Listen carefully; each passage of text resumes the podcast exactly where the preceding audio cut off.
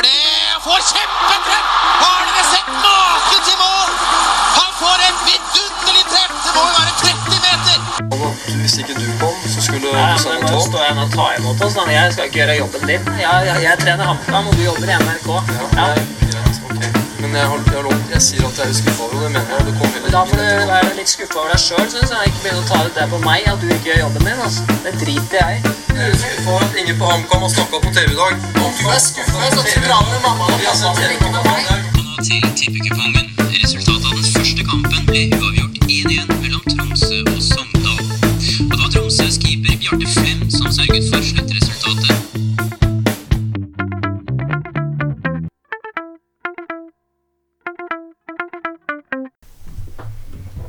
Ja, hjertelig velkommen til episode fem av Tribuneprat. Og folkens, vi er i gang. Serien har starta.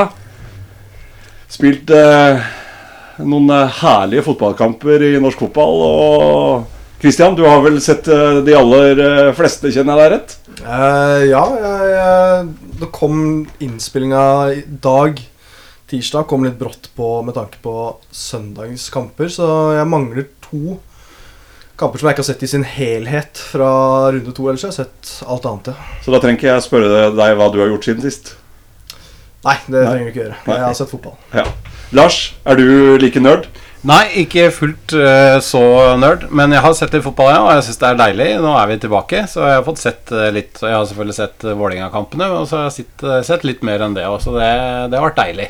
Det er jo litt halvveis, men, eh, men vi er tilbake, så det er, Det halvveise skal vi komme tilbake til litt seinere i uh, sendingen. Raymond, Ja, sett mye fotball du, eller? det er blitt en del. Ja. Men ikke eh, på så mye som Christian, altså. Men jeg har fått med meg Jeg har fått med meg sikkert en fire-fem kamper, jeg tror. Ja. Eh, samt oppsummeringer og lest mye og Det er utrolig deilig. Men jeg kan spørre om en ting. For det første serierunden så, valgte jeg, eh, så så jeg at valget ditt på kamp var Odd. Ja. Og selv om du påpeker ganske ofte at du ikke er noen Odd-supporter, så Nei. var det det er kona, det er ikke meg, altså. ja, det er kona. Nei, det er sant, det. Så jeg, Dere har bare én TV, så det er derfor. Ja, så er jo Så er du litt redd for kona òg. Ja, ikke sant? Så jeg prøver å være litt sånn gentleman, da. Så da valgte vi Odd Sandefjord. Så den så jeg på, da. Ja. Så blir det jo mye fotball framover, da. For nå Kona skuffa, eller? Ja, vi var kjempeskuffa. Var, vi var så skuffa faktisk at vi ikke gadd å se Godsodd. Så da slapp jeg å se på den, da. Oi. For da skårte jo Godset etter ett minutt. 1 minutt og 15 Ja. sekunder. Riktig. Og da var vi akkurat ved veien døra, og da sa kona ja, da ser vi en annen kamp, Raymond. Så da slapp vi det, da. Hva så du da? Da så jeg faktisk Stabæk, eh, eller Vålerenga-Stabæk, da. Hvorfor det? Nei, det er vel noe inni meg som, eh, som, som ønsker at et av lagene skal tape, da, kanskje. Ja, for Du liker jo egentlig ingen av de. Nei, Nei. men jeg liker jo Liker jo det ene litt bedre enn det andre, da. Ja, ok Men det er sånn spesielt, for vi har en felles kollega. Kristian på Kløfta. Ja, det stemmer det. uh, han ser samtlige Man United-kamper. Og han hater Det er Ja. ikke noe han hater mer i verden enn Manchester United. Og det er liksom sånn Så spør men hvorfor lider han gjennom det. Han sutrer hver mandag. Hadde han sittet og sett på United. Kasta bort tida på det. Men hvorfor? Du bryr deg ikke om det. Nei, da, han liker da å se når det går dårlig for ham. Mm. Men sånn var jeg også når Rosenborg var på det beste i Champions League. Så var det noe inni meg som Noe inni meg ønska at de skulle videre, så de hadde noe å glede meg til for at, så at jeg kunne se de tape, da, hvis du skjønner hva jeg mener. Når, men- når du møtte Men så var det litt lag, gøy at de gjorde det bra. Ja, det var det, ikke sant? Men, så jeg håpet det var litt gøy at de kom videre, for da ble det enda en sånn dobbel eh, match med Rosenborg hvor jeg kunne sitte og håpe håper de taper. på den nytelsen der, da. Men uh, når jeg er blitt eldre, da, så, så syns jeg det er ålreit at norske lag gjør det bra i Europa, da. Så, men uh, det er litt yngre, da. Men det er noe med å ha noen å hate, og da kan du se ganske mye kamper. Bare du hater ene laget nok, så, det, så det, det, altså. blir spenning av det. Ja. Ja. Det var jo ingenting bedre enn å sitte og se på Jeg ser da ikke hele fotballkamper, for jeg sliter fryktelig når det er tomme tribuner. Så jeg ser da på dette målshowprogrammet målshow-programmet som går inn, innom kampene, så jeg får med meg litt av eh, alle. Jeg er ikke helt på den analysebiten din, Christian. Eh, jeg liker den pakka som vi har snakka om tidligere, kulturen og alt det der, så jeg ser ja på det. På det. Og jeg må jo si at eh, dommeren på Vålerenga idrett- og kulturpark, han var på jobb. Han var så til de grader på jobb. Bare synd at han kompenserte der med den straffa til eh, Vålerenga der. Enig, enig. Ja. Ja. Dere ble, dere ble stille nå, ja? Altså jeg skal si eh, Altså, han gjør jo mye rart der. Ja. Altså, men det er lov å påpeke at det røde kortet var feil. Men jeg syns den der sutringa som man kommer med i ettertid da, fra Vålerengas side, det Jeg er ikke interessert i å høre på unnskyldninger. Jeg har lyst til å høre på svar, for den- Vålerenga var dårlig den kampen. Den var Det er det det skal. Altså. handle om etter en sånn kamp. Og ikke, Nå ble det bare dommeren, og det er litt synd. Så jeg, jeg satt og så på de intervjuene etter kamp, og da Først er han Amon Kwa, som svarer veldig fint for seg og sier ja, sånn var det og sånn var det, og eh, innrømmer det han har gjort feil, og sa at ja, det er kanskje straff osv. Var veldig sånn. Og så kom han lekevenn, akkurat det samme. Ja, det var eh, synd at det var jeg som fikk det gule kort, men sånn er det, man gjør feil osv. Tenkte, sa jeg til eh, sønnen min Anders da, at fy faen for noen ålreite folk, liksom. Og så kommer Sjala, da. Bare, ja, fy faen, det er verste jeg har vært med på. Og bare høvle over dommeren. Og, det, og jeg kan skjønne liksom i det Det er noe i det du Når det skjer. Du blir forbanna. Og det gjorde han jo faktisk ikke ute på banen. Da bare gikk han av. Ja. Og da tenkte jeg men faen, da var det kanskje gult kort. da Så fikk vi se det om igjen. Så sier jeg ja, men han er jo borte inn. Han overspiller òg. Han overspiller også, i tvil om det. Ingen tvil om det. Eh, men jeg, jeg syns at når matchen er ferdig, og han gikk jo tidlig i dusjen, selvfølgelig Han har hatt en, cirka en time på seg før eh, han blir intervjua. Jeg skjønner at du er litt forbanna, men da går han og sier at jeg, jeg syns det var feil. Dommeren tok feil, og det var synd. Men eh, faderen, eh, alle disse spillerne gjør feil utpå der hele tida. Dommeren gjør noen feil.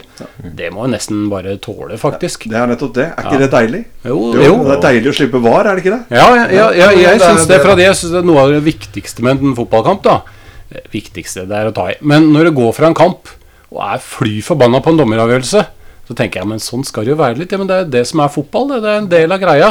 Så hvis dommeren på en måte blir tatt bort, og hvis det ikke gjøres feil fra dommers side, eller fra VAR, eller fra hva det nå er som dømmer, så, er, så mister du en ganske viktig del av fotballen. Og det, det ville være dumt.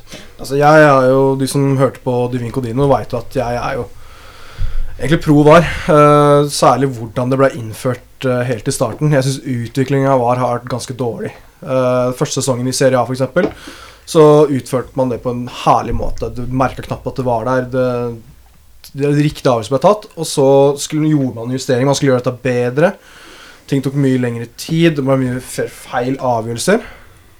Eh, Så jeg syns utviklinga av VAR har vært dårlig, men jeg er utgangspunkt pro VAR, men likevel. Det jeg reagerer på, det er når Vålerenga altså, Greit, Sjala er blitt utvist, han er forbanna i ettertid. Greit, han får den utpassinga si, da er det ferdig med det. Fagermo Han har fortsatt sutrete. Han klager fortsatt på den avgjørelsen. Og Vålerenga skal prise seg lykkelig at de fikk den mannen utvist. For hun var pissræva, 11 mot 11. Men nå først når de fikk ti mann, at de begynte å liksom bevege beina. Uten Det var, det er bedre. Ja, det ble samling i bånn men det ble her. at det, man tok tak i det. At nå, nå må vi legge ned litt innsats i dette. For det var tamt, det de drev med. Altså, det var dårlige bevegelser. Og det var først når de fikk ti mann, at det blei noe ut av det. Altså, jeg er sikker på Hadde de fortsatt den kampen med elleve mann, så hadde de tapt. Ja, det tror jeg også. Men en ting jeg, som henger meg litt opp i, er det det han sier, da. Thomas Lenny Olsen i Nystrøm han sa noe i fjor Ja. om linjemann. Ja. Det var en real utblåsning. Ja. Han fikk utstengelse. Men Herulin Sjala sa at sånne dommere ødelegger norsk fotball. Det er ganske kraftig. Det burde Men Fagermo som mener at det ødelegger det norske Ja. samfunnet. Ja. Da Ja. drar det for langt. det jeg mener, da. Vi der. Ja, det var helt vanvittig. Og det er liksom, det er liksom, liksom ikke fått Det var jo Saggi som har fått etterspill, på en måte. her da Ja. Ingenting av det som har blitt sagt, har fått noe særlig etterspill. Og Det syns jeg er litt sånn unfair, da, på en måte. Ja, det var, det var dårlig dømt og sånne ting, men hvis man skal legge seg på en linje hvor man utestenger spillere pga. hva de ytrer der og da, da Og Thomas Lene Olsen ytra jo virkelig der og da, for det var ti sekunder med pause, og det var pausepraten hans. Ja. utstengt. Sjala kan si ganske drøye ting, syns jeg, da, uten at det har blitt lagt noe godt vekt på. stykke etter kampen. Ja, det også, ikke sant, som du sier. En time etterpå. Ja, en time etter han ble ferdig med kampen, i hvert fall. Og samfunnet vårt, og det var ganske drøyt. Så det, er liksom, det har liksom blitt pakka vekk, da. Det er helt greit. Det er heller det at det ikke blir straffa. Men da må det være Absolutt. konsekvent. da Selvfølgelig. Det er liksom, låten må ha en del tak i det, men Du dro jo fram Lene Olsen i Lillestrøm eh, forrige sesong. da Mm. Du hadde jo en annen episode i Lillestrøm forrige sesong med Sinjan Sharif, som ble utvist feilaktig Mm. i kamp mot Viking. Eh, Tommy Høiland eh, Ja. ja.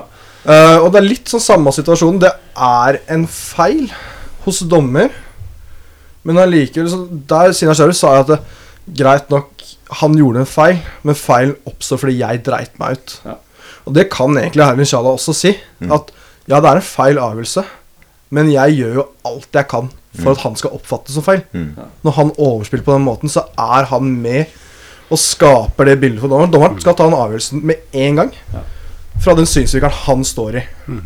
Og så, så lenge vi da så Vi har jo ikke VAR. Da må vi tåle de avgjørelsene. Og da, er da er Sjala Han er svært delaktig i det i måten han Overspiller. Jeg prøver å utnytte situasjonen, da. Ja, ja, ja. Og da er det kanskje litt fortjent også. Og da, ja, da er det kanskje synd at det blir gjort om på etterpå. Og det, jeg syns jo selvfølgelig han spiller, for jeg holder med Vålerenga, men, men eh, det, er ikke, det er ikke helt bra heller. Det er, Men, eh, og det er faderen ikke lett å være dommer i den settinga der, altså. Det er vanskelig. Men han gjorde ikke en veldig god kamp, dommeren. Han gjorde ikke Det det. gjør ikke, men han er en fremragende dommer. Og han eh, legger seg flat, og han, Ja. han innrømmer feil. Og det er savna hos mange Må stå over eh, neste runde. Må stå over er neste runde. Det er greit, sikkert. For det er sikkert, må jo ha noe, nå må ha noe regelverk i der også. Så det er fint, det. Men uh, Rohit Sagi han er en god dommer. Med en dårlig prestasjon. Eller så må vi jo ikke bare snakke om eh, dommere og Vålerenga. Vi har jo Vi kan jo gå gjennom eh, første serierunde. eh, og tenkte når jeg så, altså I etterkant så ser du at det var ikke én eneste hjemmeseier. Mm. Og da begynte det å slå meg. Da har publikum og trykk, hjemmebane Altså, Er den fordelen så stor?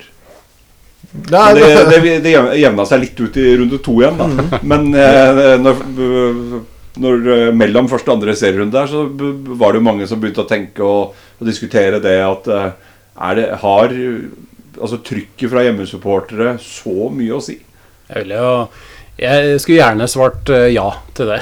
For jeg er supporter sjøl og syns det er gøy med trøkk på stadion. Syns at det er en viktig greie, en del av fotballen. Men eh, jeg tror det er litt tilfeldig, dessverre. Eh, jeg, eh, den, det er klart Noe av den hjemmefordelen blir litt borte uten supportere. Det, det tror jeg. Men eh, at det skal være så stor effekt at alle liksom, eh, hjemmekampene Eller alle kampene blir eh, Eller ingen blir hjemmeseiere, det, det er tilfeldig, tror jeg. Er litt tidlig, litt tidlig å si. Ja, og så fikk vi jo på en måte litt sånn motsvar i andre serierunde, Ja. dessverre. Men, eh, så, så jeg tror vi må eh, slå fast det. Men det var jo litt artig poeng, da. Det var det. Eh, og at det har noe å si, det tror jeg. Er det noen lag som har skuffa dere i disse to første serierundene? Det er vanskelig å komme unna Ålesund, som lekker som en sil. Og Rosenborg, som ikke har fått det til. De fortsetter samme spor eh, som forrige sesong, egentlig. Det, er- det er ikke så mye bedring der, sånn. Og da kan man jo lure på seg når det har vært krisemøter og det Nå skal vi si at det er Hornland selv som uh, åpna for det krisemøtet de hadde, men eh, det er en mann som fikk ny kontrakt for bare noen få måneder siden. Og hvis han nå skal da være i risikosonen for å beholde jobben, altså da, da snakker vi dårlig klubbdrift. Det For da har du tatt på deg en mye større sluttpakke Ja. på en som du egentlig ikke hadde troa på. For det ja, så Hvis du har troa på han, så gir hun flere enn de to kampene. Men eh, det har ikke sett bra ut. Det har ikke. Nei, det har ikke det. Men så ser du eh, Kristiansund, da, som holder dem til 0-0 hjemme. Og alle syns det er eh, katastrofe av Rosenborg. Og så vinner Kristiansund 7-2 i neste kamp. Og er åpenbart eh, i slaget. Og så taper de 1-0 i Molde, som er en årets vanskeligste kamp. Og så skal du begynne å vurdere om du skal sparke den ut. Ja, men Tror du det blir noe enklere å vurdere etter å ha spilt mot Bodø-Glimt i neste serierunde? Mm, Det er ikke sikkert det, men eh, og det kan jo hende at det blir eh, Det blir helt krise der oppe. Det kan godt hende. Men, eh, men det er for tidlig. Det er for dumt. Det er To serierunder. Nei, men han, ja. det Nei, det Det er det som irriterer meg noen ganger. Da. Mm. Jeg er opptatt av det med media og sånne ting. Det, blir så dumt å legge trykk på det der allerede, da. Okay. Men det er ikke Ja, så- media som har lagt trykk nå? Nei, Han nå- som Ja, ja, selvfølgelig, men det begynte jo selv. Ja da, men det begynte han selv. Det, Selvfølgelig, men det begynte Ja. jo allerede med Kristiansund. Det var dårlig og platt, og det var det jo, men det er greit. Og, og selvfølgelig, jeg, jeg, jeg skjønner egentlig ikke heller hvorfor Rosenborg starter så dårlig. Det er jo akkurat, det er jo helt identisk som i fjor. Det er like kjedelig, platt, fantasiløst offensivt. Så det er jo akkurat det samme, så det er litt rart, da. Så jeg skjønner at det går på treneren. Altså, det som eventuelt er Skal vi se Minuset med Rosenborg i år kontra i fjor, er kvalitet på spilleren som er der. Altså Jeg syns Sødlund er bedre enn Islamovic. Jeg syns Mike Jensen fortsatt holder ganske bra nivå. Så det er er nøkkelspillere som er borte. Mm. Uh, Bygge Meling, som har vært på vei ut, ble jo ikke brukt fra start første kampen. Og det er ikke nødvendigvis treneren sin skyld. Nei. At man har nedgradert spissplassen. Det Absolutt er jo ikke. sportssjefen som må ta det ansvaret. Men det er også en bønn til, eh, til eh, kommentatorer som stiller Islamovic spørsmål om det er greit at Børven kommer til Rosenborg. Spar han for det, ja. Ja. Dino Islamovic skal ikke stå Jo da, han måtte, var jo kjempehøflig, han. Jo da, jeg ønsker jo alle velkommen til klubben. Slutt med sånt tull, da. Det er ikke han som skal svare for om Børven skal ta fra han plassen eller ikke. Selvfølgelig er det ikke ok. Det er så idiotisk. Nei, men det er jo Det irriterer Ja, meg. selvfølgelig, altså Egentlig Det hadde vært jævlig kult hvis han hadde sagt at uh, Nei, syns ikke det er noe kult, det. mm. Nei, det Ja, ja, nei, men, men der har han jo samtidig gått et mediekurs, og han får ikke lov til å svare det. det han han er har jo lært opp seg til å svare Ja, ja, han riktig. var, var jo ikke akkurat solstråle i media. Nei, ja. Eh, Men det er jo irriterende da, å bli Ja, er konfrontert piss, med det. Det er bare piss. Det er, det er to serierunder, så er det i med piss det er dårlig da journalistisk arbeid. Da. Man har ikke noe mer å gå på. Da, da håper man på at man skal skape oversikten. Jeg skal skape klikksakene. Og det, det funker ikke. Nei. Ikke for meg, i hvert fall. Så det er, eh, men, jeg- men jeg er enig med deg i Ålesund også. At det har vært en kjempeskuffelse, faktisk. Vi å sluppet inn elleve mål på to kamper. Det er jo tragisk. tenker det at liksom Bohinen hadde litt lært av Sandefjord-greiene. Hvor han på en måte skulle spille på den måten. Og, og det var liksom, Da tenker jeg men det var kanskje litt blåøyd av han. da Å tro at eh, når du stiller med muligens det dårligste laget, så skal du spille den fineste fotballen. Det går ikke. Og så tenker man at det lærte han. Og så kommer han opp med Ålesund, og så er, virker det som det er helt, eh, helt sjanseløst. Det er jo Ja, det, det renner jo inn. Hva var det han sa? Vi er Eliteseriens klovn. Ja. Ja, Det passa veldig godt. Men, men da, da tenker jeg Men da, du må jo være litt kynisk, da. Du må jo liksom Du, du må jo lært av de greiene der. Altså, det ser ut som man ikke har gjort det. Men vi får nå se, da. Det, det er langt igjen. Det, vi skal ikke slakte dem, eh, alle laga som har gjort det dårlig i starten, vi heller. Men det har vært eh, veldig skuffende. Ja, men det, de spiller jo en 3-5-2, da. En formasjon som skal være der for å unngå for store rom. Du kan være aggressiv i presset. Og det er der de har feila. Det- De er, Sandefjord, de er passive i presset. Mm. Uh, de etterlater seg store rom. Det er altså Kristiansund det er gjennomspill på gjennomspill igjennom Mm. midten der sånn. Molde også, man kommer ikke opp i stasjonen. Det er der man får baklengs. Både Kristiansund og Molde. Så får man baklengs for man ikke kommer opp i presset på spillerne. Og da, da har du bomma med formasjonen. Da har du en formasjon som Altså, du Du har ikke gjort den taktiske jobben din, da. Men de hadde jo, sant å si, Molde litt i kne etter eh, Etter første omgang så hadde de jo eh, gjort det bra. Eh, og det var ikke Ja, de kunne, de kunne godt ha leda etter den første omgangen. Er, de hadde sikkert tapt allikevel, men, eh, men det, var, det er jo noe der. Det er det nok. Ja, de, score, de gjør jo målprotokoll fremover. Altså gjør de det bra også mot Kristiansund på bortebane. Ja, ja. Man skaper så mange store sjanser. Det er ikke det. Men det er, det er den kvaliteten i de to boksene som da er avgjørende. Da. Kjempenaiv. Altså sånn Molde har ikke vært fyrverkeri de to første kampene. Nei. Men allikevel står med fem skåringer. Ja, ja absolutt. Og én i baken. Så det, og da har de også spilt nesten en hel omgang med ti mann også, på bortebane. Mm.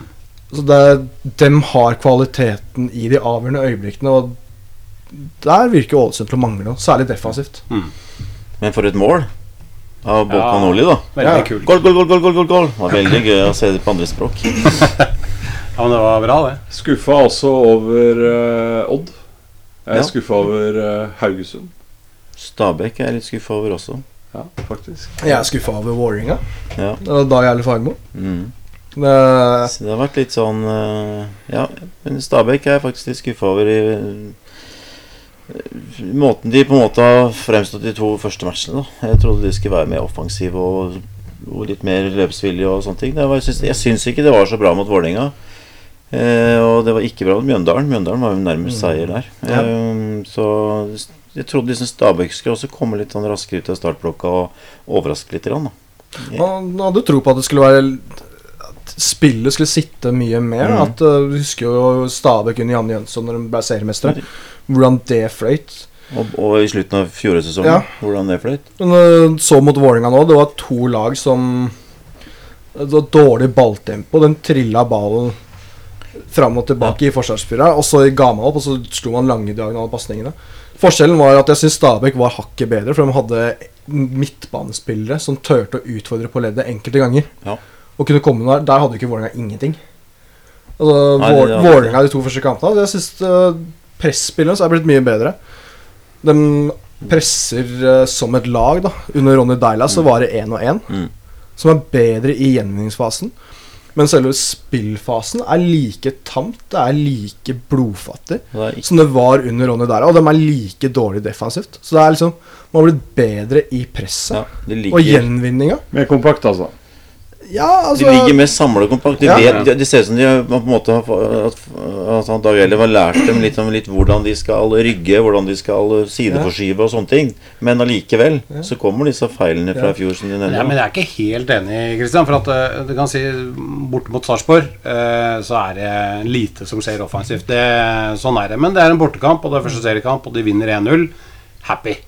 Eh, de, de, Sarpsborg skaper veldig lite på Vålinga, og da tenker jeg i en bortekamp så er jeg ganske fornøyd med det. Men eh, mot eh, Stabæk så, så mister de det litt fra starten av, men så tar de tak i matchen, føler jeg. Og så har de matchen. Skårer mål, og da er det deres spill. Eh, og, og det er også et flott angrep. Det er et veldig flott ja. Det er det, det ene angrepet hvor det er gode bevegelser men, men, jo, men det er også det at da er det de som har ballen. Da er det de som er i føringa, og det, det gjelder helt til disse to målene kommer. Og da, da ser du at ja, men da svikter det. Da svikter det også i Forsvaret.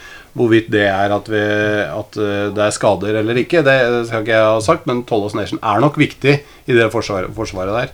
Ja, det- Eh, også for utvisninga og så er det jo litt sånn Ja, de tar ikke over spillet men da, da er det i hvert fall guts. Og fra da ut så er det egentlig ok, da, med ti mann, tenker jeg. For at da, er, da, da er det sånn. Og så hvis du ser på den treeren til, i midten til Vålinga, så tror jeg ikke man skal forvente så veldig mye mer eh, finspill heller. Og det å spille gjennom ledd. Er, de er eh, fightere, på en måte. Det er ikke så mye kreativt i midten på men Eh, Du må ut på sidene, og der er det jo moro. Men det er det som Det her var jo også det de drev med under Deila. Altså Ja. da, I Sarpsborg hadde de Aron Dønnum. Uh, Deila hadde Juke. Mm. Altså De er helt avhengig offensivt av enkeltspillere.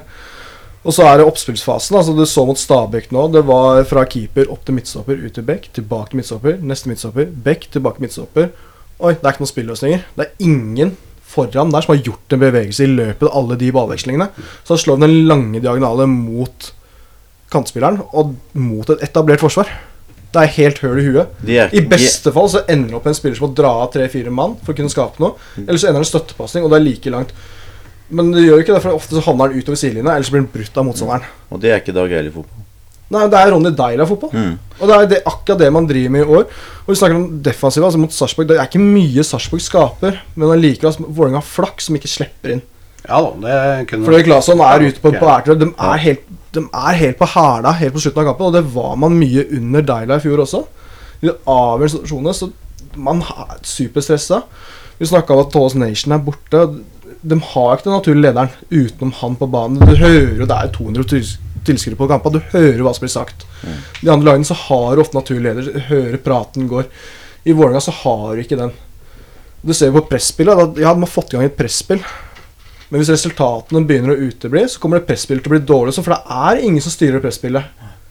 Det er ingen leder på banen der. Sånn. Også, de to baklengs man har mot Stabæk Den ene, første skåringen til Stabæk, det er en kanonskåring av Lukassi på et innlegg av Solheim. Veldig bra. To veldig bra individuelle ferdigheter. Ja. Men samtidig at Vålerenga er fem mot tre inne i boksen her sånn. Der skal jo de som markerer spilleren, skal bare ta dem ut, og så skal lederne i laget bare stange ned den. Samme med andre skåringer også. Det er ikke press, for alle backer unna. Det er ingen som tar det ansvaret og støter. Lukasi kom veldig lett til det Han gjorde det. Der. Det er Mm. ingen som støter. Man rygger og rygger og rygger, og så kommer skuddet. Vi- Men, vi, vi, Men, men Lukasi i den første er det, er det er vanskelig å plukke opp når du treffer på den mannen. Ja, Han tar, han tar da. Så det suser. Han Ja, større Borchgrevink har ikke kjangs på Han skal bare ta ut mann. Det er det Ja hans oppgave er. Men det er for at det er ikke innøvd nok, det som er der. Mm. Nå må ikke vi gjøre dette om til en ren uh, Vålerengen. Riktig, eh, det var akkurat det jeg skulle si. Men jeg skal si én ting, for jeg ser jo på litt andre øyne enn dere sannsynligvis. Jeg vil bare sånn oppsummere Vålerengas kamper ganske enkelt. Det var ganske to ganske kjedelige kamper hvor eh, Vålerenga har kommet veldig godt ut av det, Synes jeg. da Man har fått Ja. veldig mye bedre uttelling enn Så man hvis det er en styrke, og hvis det vedvarer, så er det selvfølgelig bra. For Så må vi huske at eh, det er ikke alltid dårlig defensiv eh, Hva skal jeg si operasjoner og valg som, blir, som er grunnen til at det mål. Noen ganger så er det deilige offensive kvaliteter som ligger i, i grunn nå. ja, Det er deilig, det. Det er, det. bra, det. Heldigvis. Men og, ikke sant, og jeg synes også, siste da, om Vålerenga Jeg syns Stabæk senka seg så veldig også etter de ble i overtall. da Så da begynte slutta de De var liksom, ble redd for å tape, virka det som. Og da fikk Vålerenga komme litt i gang. Også. Ja, men det ble jo også Man måtte overkompensere for at nå mangla minus. Da, okay, nå må vi løpe enda mer. Ja, da kom disse bevegelsene som Ja. var borte når de hadde elleve mann på banen. For da var det ingen bevegelser. Altså forskjell, altså Oldrup Jensen, som man har som en ballsentral nå, det hadde man ikke i fjor. For da hadde man to sentrale midtbanespillere. Og man klarte aldri å bli enige om hvem som skulle falle ned og være ballsentralen. Nå har man den naturlige ballsentralen. Mm. Problemet er at han har ikke noen spillpunkter foran seg. Ja, han virka litt usikker eh, noen ganger i ja, ja. begge matchene, faktisk. Altså, han, og han setter ikke heller opp noe tempo. Det går altfor sakte med han. La oss eh, komme oss over på noe som har gleda meg. Eh, det er da først og fremst det laget som jeg tippa høyt i fjor, som jeg også antar kommer til å gjøre det bra i år. Bodø-Glimt. Ti mål på to kamper. Sterk seier og fire mål borte i Stavanger. Og skårer seks mål på Haugesund eh, nå forrige runde. De har eh, seks nye spillere i startelveren eh, kontra i fjor. ja, kontra det første serierunde. Første serierunde i fjor. Og allikevel så har de klart å trene og gjøre ting eh, på en eh, så måte at eh, alt er gjenkjennelig for gamle og nye spillere. Men det som er enda mer fascinerende, er at motstanderne veit hva de kommer med. Fordi det er jo det er ikke noe hemmelighet, det Bodø-Glimt driver med. Altså de, det, er en enkel spillestil. Men allikevel, de klarer ikke å demme opp for det, for de er så sinnssykt gode. De kommer med De dobler på kant. Altså, og når du har en spiss, eh, sånn som vi snakka om tidligere, før vi begynte opptaket, som bare Altså, Han står helt stille, og så bare dunk fra 20 meter med venstrebeinet ut av ingenting. Altså, Det er så mye spilleglede i det laget der at det er helt fantastisk å se på. Det er mitt uh, lag i Eliteserien i år. Ja, du er sånn som tar de som leder, ja. Ja. ja. ja det, det, er ikke fargene, eller? Nei, vi er også Det kan være fargene. Utrolig imponert over Bodø-Glimt igjen. At de klarer å gjenskape det allerede fra, fra Ja. dag én. da 2-4 mot Viking og 6-1 mot Haugesund. Og som du sier, da, det er liksom det, det offensive spillet der som alle lag i Norge vet at de kommer med.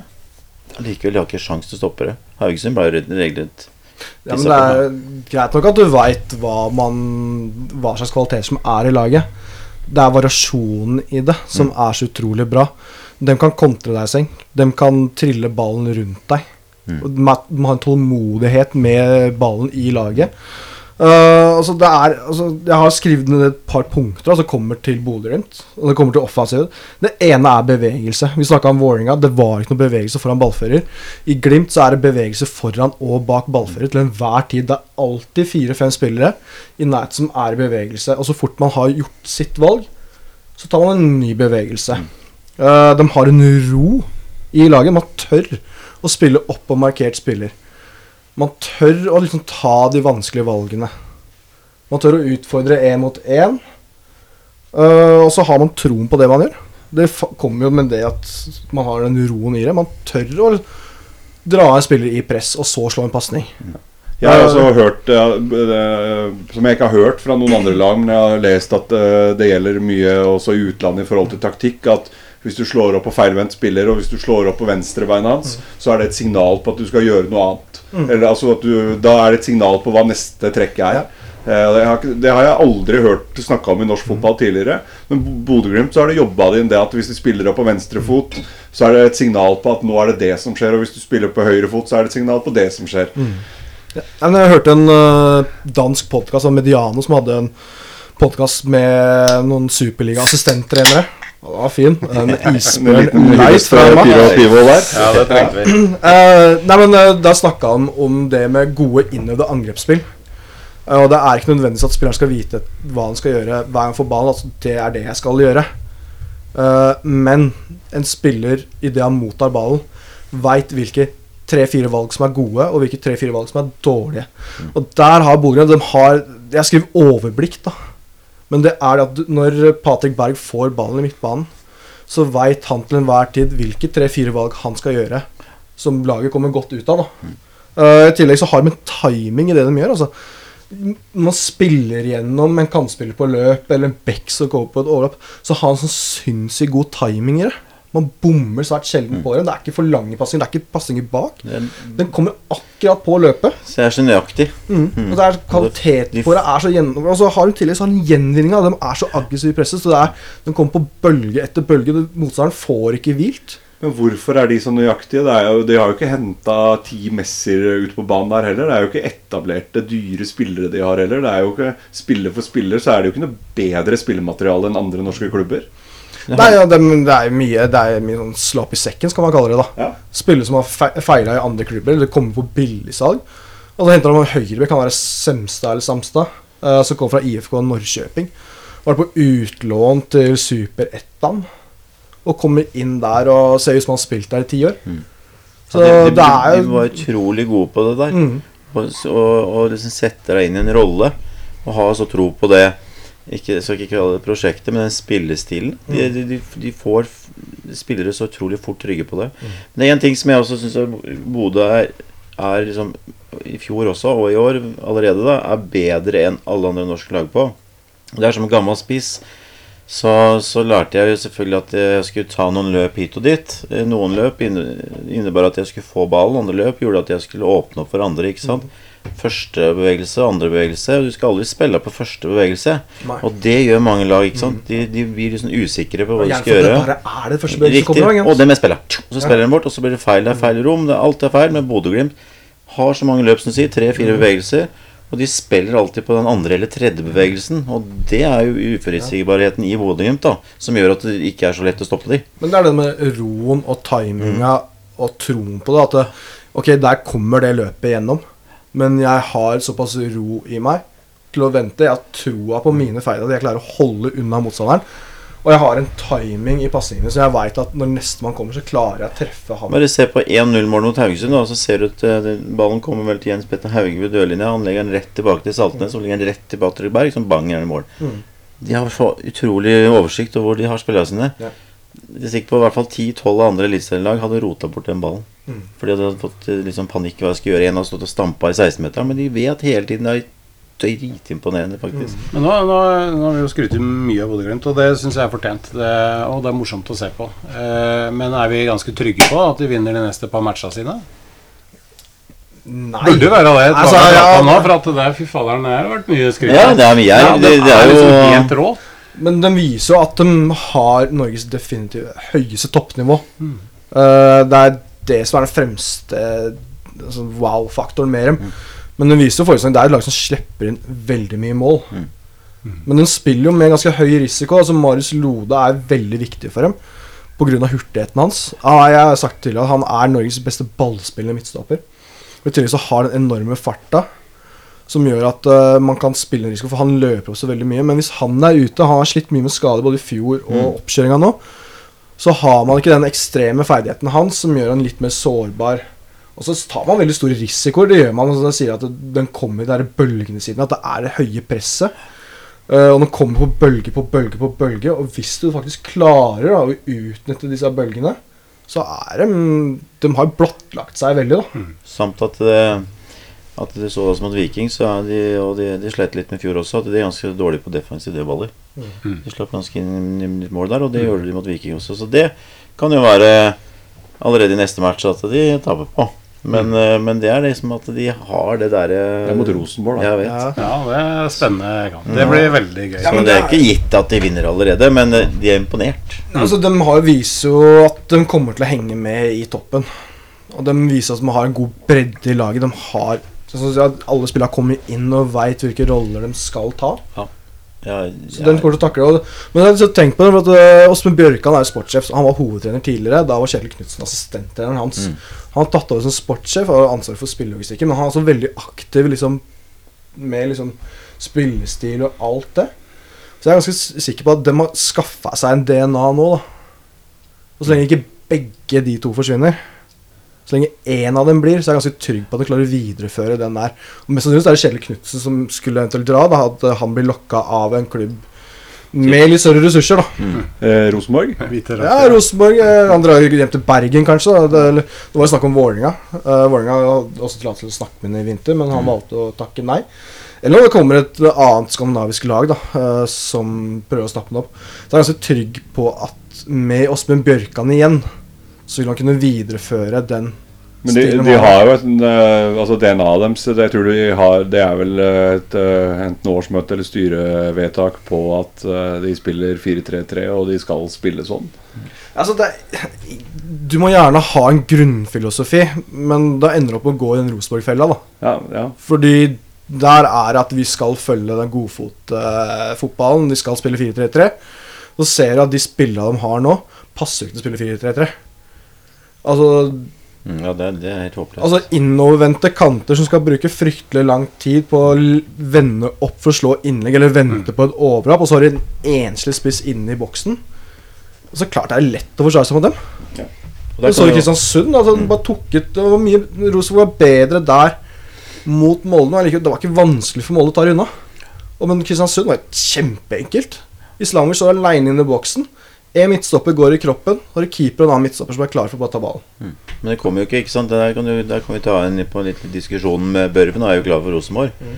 Eh, vil han lykkes i Rosenborg? Jeg ser ikke sånn umiddelbart at han er en kjempesignering. Ja, han er en god spiller, skåret 21 mål for Odd i fjor, men, men det er jo fordi Odd kommer rundt på kanter, dobla opp, masse innlegg. Børven var gjerne der på hodet, han var der på returer. Han var god der. De sjansene vil han jo kanskje Det er vel mest ikke- sannsynlig ikke få i Rosenborg. Nå. Det er ikke spissplassen som er problemet til Rosenborg. Nei, det er jo hele filosofien. Det er hele stilen. Taktikken. Altså, Børven du, han har ikke blomstra innledningsvis. Han har én scoring på straffe. Og Det er for at Odd spiller jo veldig litt. Det er jo samme. 4-3-3. Ja, ja. Og igjen, altså, innovervendte kanter. Det er dårlig tempo. Det er ikke noe rytme i det. Og så Han blir ikke fora inn i boksen, for han blir enkelt tatt ut. For han blir veldig isolert. For det tar veldig lang tid før den ballen kommer inn. Og ja lukter flopp. Men det er ikke hans skyld. Det er kjipt da hvis, eh, hvis Rosenborg eh, slår Bodø i neste 5-0 serierunde. Vi har brukt så lang tid på den analysen og kommet fram til at Rosenborg er helt ræva, og eh, Bodø-Glimt er fantastisk. Men det, er jo, det er jo et faktum nå etter to serierunder. Ja, ja, det er det. Og jeg syns det er kjempegøy. Men det var- Ja, det, var akkurat sånn, sånn som Bodø-Glimt nå, det er, det er helt konge. Ja, Fantastisk. det og, og det at de gjør det på andre året, på en måte. De er ikke bare overraskelseslaget, men de gjentar overraskelsen. Ja, I hvert fall etter to serierunder. Ja. og en annen ting som er, er kult, da, hvis de kommer litt lenger uti, er at de skal ut i Europa i år. Og Ja. det er ganske gøy. Ja. hvis de klarer å, å, å spille inn fotballen der ute òg, ja. så tror jeg det kan bli ganske bra. Ja, Altså. ja, det er så kult med det europeiske lag som reiser helt opp til bordet. Ja. Ja. det er helt fantastisk. Det Det, det. blir gøy. Det blåser Jeg har spilt på den kunstgressbanen ved siden av her. Og det, er, det er helt åpent her. Altså, femmeteren risikerte du å få i retur. For det blåste så mye rundt den sanden her. Sånn. Så komme opp dit i oktober-november Det er ikke kult å det spille ja, fotball det. der, da. Altså. Det, så- det er gjort mange ganger. Så det ligger rett ved havgapet, og så er det flyplassen i tillegg. Det er det som er rett ved siden av fotballsalen der. Det er så Uff, sier det, og så er eh, ballen flyr til alle hauger og kanter. Men fordelen så er jo at det skal bare spilles enkeltoppgjør. I hvert fall i kvalifiseringene til både Champions League og Ja, ja, Europa League. Skummelt.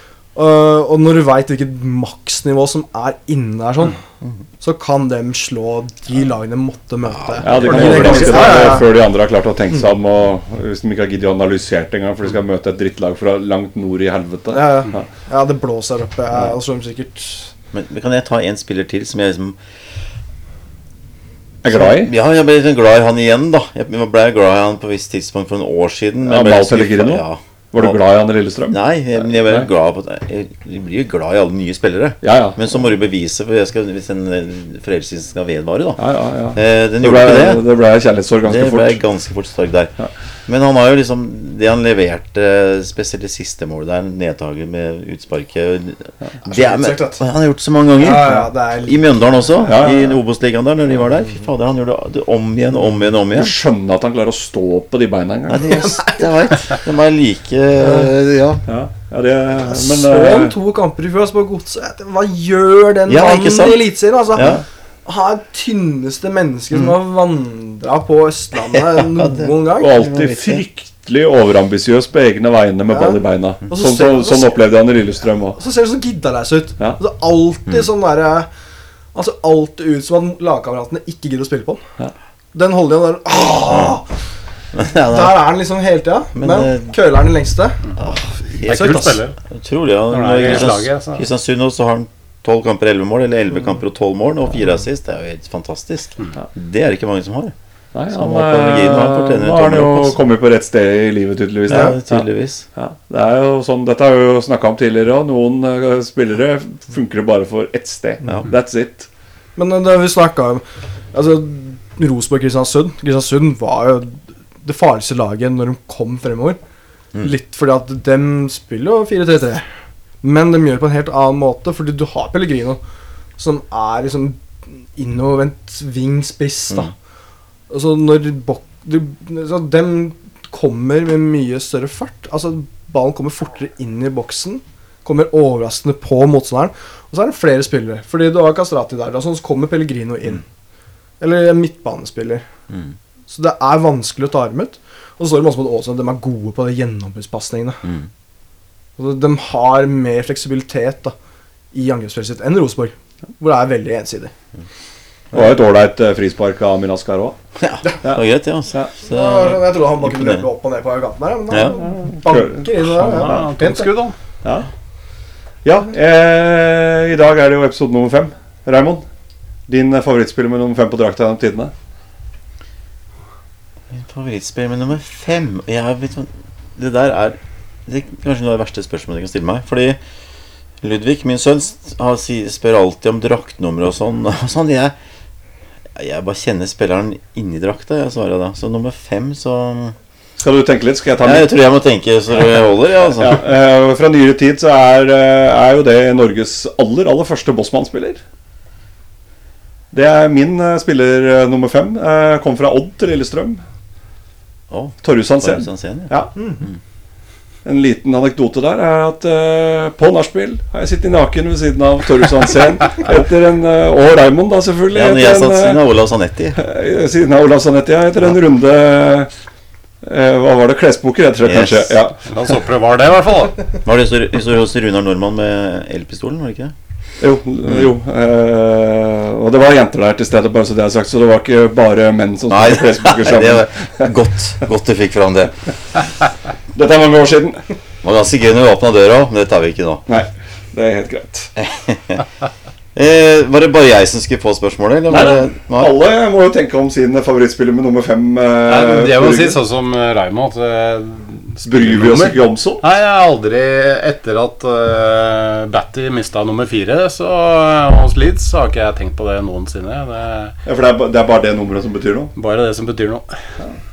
Ja, det er, det, er- den er vanskelig. Det er liksom, jeg husker i gamle dager Jeg husker liksom drakt nummer ni. da Jeg hadde lyst på den. Det var jo da Siden en eller annen sa at jeg ligna på Steve Bull i Wolverhampton. Og da var liksom ni det hang bein og lang overkropp, han Så, så de har, Peter Werner 20. Ja, men det er så det er- Jeg er så lite interessert i, i, i draktnummer. Altså. Det er ikke du, Christian? Ja, ja, nå måtte jeg faktisk begynne å tenke det. Ja, altså, jeg begynte det, det, Første jeg slo av, var Erik Panserhagen, som jeg er usikker på. Jeg hadde en femmer nå. Begynte jeg å tenke på Fredrik Schjøllen var en favorittspiller av meg eh, i Vålerenga på tida. Han hadde Hadde tre ikke- eller fire, tror jeg. Det var akkurat det, så slo jeg på det, og så tenkte jeg Vålerenga Haraldsen hadde tre og 1999. Fredrik Schjøllen hvilket, nei, Han var fire, hvem var det som hadde femmer? Thomas Berntsen. Han er ikke Han har han spilt med. Det, Da Åh, må vi velge han, da. Nei. eh, jeg har vonde minner. Jeg ble, jeg ble dratt ut på høyrebekken fordi at han skulle spille midtstopper. For Ifølge han selv han var så fantastisk jævla god i duella. Altså, Jeg har aldri sett dårlig spenst. altså Han hoppa Det var som en kjegle. Altså. Det, han kom, han løfta ikke fra bakken. Du så han prøvde alt han kunne, og han kom seg ikke opp. Nå blir det, nå blir det litt ille for uh, Thomas Berntsen her, men jeg har en liten anekdote der, jeg også. Og det er uh, Jeg var og så um, Chelsea-Vålinga på Stamford Bridge. Og det er jo god stemning, og alt er greit, og det er rett før matchen begynner, og de stiller opp. Og så begynner du å gå gjennom Vålerenga sin, eh, sin lagoppstilling, og så ser du at eh, ja, det er Thomas Berntsen, og så ser du på Chelsea, så er han Babayaro. Og han var, eh, han var i god form, da, for å si det sånn. Og da tenkte jeg det her det kommer ikke til å gå. Det er ikke kjangs at det går. At, at Thomas Berntsen skal hamle opp mot Babayaro. Celestin- Og det gjorde han ikke heller. Celestin Babayaro. ikke sant? Han var virkelig ikke i Var det rått parti? Det var rått parti. Det var uh, tøff kamp. Men det var gøy allikevel. Og han hadde drakt nummer fem, da. Det kan du se. Ja. Det visste jo ikke du. Nei, det visste jeg ikke. Er det lov å si pass? Ja vel, da ble det en liten eh, pass eh, på den. Men veldig, Jeg melder, jeg melder Erik Panserhagen, altså. Selv om du ja, Jeg har en femmer, da? Han hadde femmer i Vålerenga en periode. Jeg skal gjøre Jeg og lurte, jeg drev lurte på om jeg skulle si Jørgen Isnes, men uh, nå har vi skrytt litt for mye av han, så da droppa vi Ja, vi var litt forsiktige her. Eh, Ja, vi har jo også Selvfølgelig, eh, det har jo vært noen overganger eh, de siste dagene. Eh, Vålerenga fikk jo ny spiss i dag. Mm. Benjamin Stokke, fristilt fra sin danske klubb. Og kommer da vederlagsfritt, er ut fra det jeg leser når det står 'frigitt'. Så da er det jo ingen som trenger å fyre seg opp med tanke på permitteringer og den type ting heller. Nei, bortsett fra at han tar sikkert en Ja, sinnssykt høy lønn. da Han kommer jo fra danske superligaen, og de betaler litt bedre enn de gjør her i Norge. Med kunstnerskatt og alt. Jepp. Ja. Så han skal nok sitte igjen med sine penger, regner jeg med. Ja. Men uh, vi snakka om det, da ikke der Vålerenga trenger forsterkninger. Vi snakka om det midtbaneleddet. Du har ikke den X-faktoren sentralt på midtbane. Mm. Uh, og så skal du hente da en spiss som knapt har spilt de siste to ja, I hvert fall to år. da Klassisk Vålerenga-signering, altså. Ja, det, Men det, men det er også sånn at Vålinga ikke har spisser, og egentlig ikke har hatt spisser eh, på en stund som, som skårer mål, da. Og det er også litt dumt da for Williamson. Jeg, jeg liker jo han godt, for han, han jobber hardt, og han, han gjør noe annet enn å skåre mål. Men han skårer lite mål, og det er et eh, problem. Eh, Så sånn sett så får vi jo se, da. Men eh, det er klart han sleit vel med å spille i Randers. Eh, og Randers for meg høres ut som en veldig døv klubb. Eh, men eh, jeg veit ikke. Det, det, de spiller i Superligaen, som kjent. Altså det, det er sikkert et ok nivå.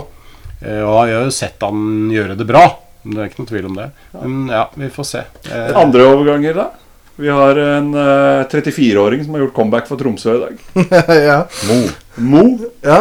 En som eh, har mange år, i hvert fall i Tromsdalen. Har spilt i Tromsø tidligere. Eh, kommer fra fjerdedivisjon. Husker jeg ikke helt hvilken klubb han kom fra.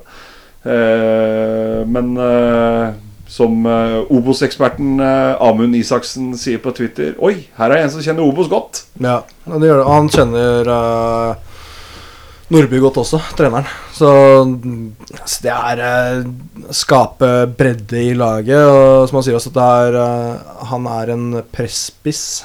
Det er ikke målene han skal komme inn og score. Det er han skal bidra til et aggressivt spill, gjenvinninga. Han er som klegg, han. Ja, Men eh, ja, for de har jo fått en annen spiss som skal skåre målene. det er fint med Asemi, da. Ja. Kan, eh, kan du først da, som uh, selverklært nerd på fotball, forklare hvorfor Stabæk kjøper en spiller som uh, egentlig burde være godt uh, scouta, fordi han har jo spilt i norsk fotball uh, de siste halvannet åra. eh, og spilte i norsk fotball tidligere, og så leier de han rett ut. Og han er ikke ung, så det er ikke det det er, handler om heller. Hva er poenget med det kjøpet for Stabæk? Og det er jo også en spiller som eh, nok drar ganske mye av lønnskostnaden i Stabæk, med tanke på at han har vært utenlands, og han har også vært innom Vålerenga, så jeg tipper han har ganske høy lønn eh, i forhold til resten av Stabæk-spillere. Nei, det er en merkelig. Han har ikke vært i troppene. Uh, han spilte ikke noe treningskamp, han var ikke i troppen engang, fordi Janne Jønsson syntes han var så dårlig på trening. Uh, da da ryktene begynte å gå at han skulle til Tromsø. Men det skal sies at det var jo Inge André Olsen som henta han. Og Torgeir Bjarmann som domperen. Ja, og da tyder det på at det er Inge André Olsen som har henta han, for han har tro på han. Uh, uten at Janne Jønsson har fått sitt ord med det. For Han har tydeligvis ikke tro på han. Nei, uh, og Torgeir Bjarmann har heller ikke tro på han. Og da er jo egentlig den beste løsninga for alle sammen. Eh, Stabæk får sikkert det må sikkert, Jeg tipper de må betale fortsatt litt av lønna hans. Ja. Men eh, man får unna ganske mye av lønnskostnadene, og man får vekk en spiller som ja, Det er ikke noe poeng for han å surre rundt og spille være annen eller tredje divisjon for rekruttlaget. Nei, det er det ikke. Han er ikke i den alderen. Nei, uh, så Nei, det, Inge André Olsen snakka jo Han ble intervjua om hvordan den nye tiden hadde vært i Aalborg, og da snakka han jo om at øh, der var han jo del av et team. Det var veldig mange som skulle ha sitt mm, ord med i laget når det kommer til rekruttering av spillere. Mens han i Stabæk nærmest hadde eneretten. Ja, enig- Han, han trengte bare godkjenning av styret på pengebruken.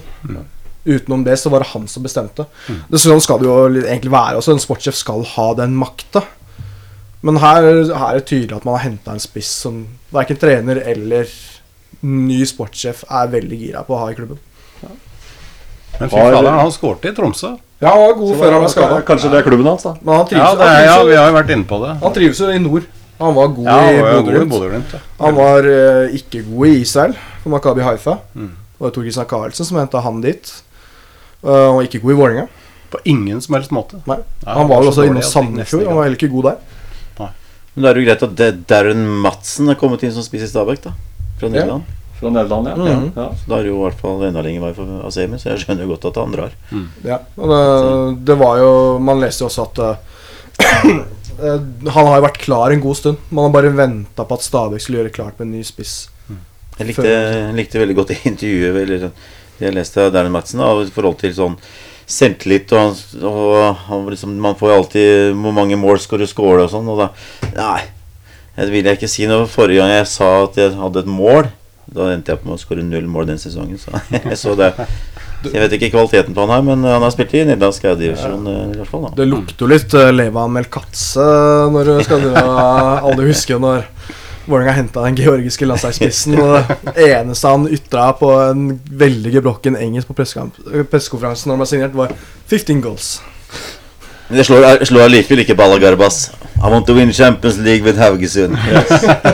Det var også en deilig signeringspressekonferanse. ja, det var strålende. Vi har jo noen eh, faste spalter i denne podkasten, og denne gang så skal vi eh, ha quiz eh, både nå, midt i, og vi skal også ha en eh, quiz helt til slutt, så at ikke dere lyttere må sitte og klø dere i huet altfor lang tid sammenhengende. Så skal dere få klø dere like lenge, men da kan dere i hvert fall få en lyttepause imellom.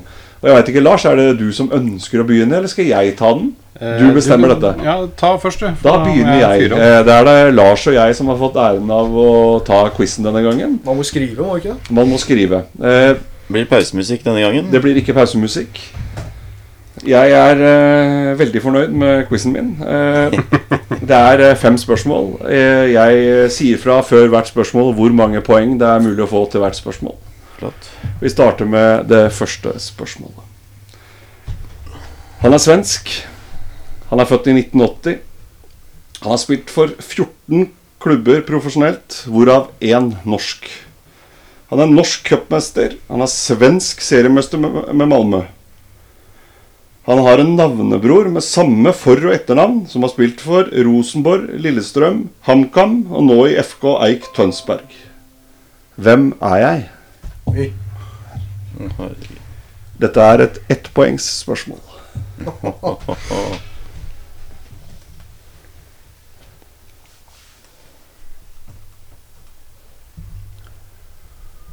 Vi eh, går videre. Ja.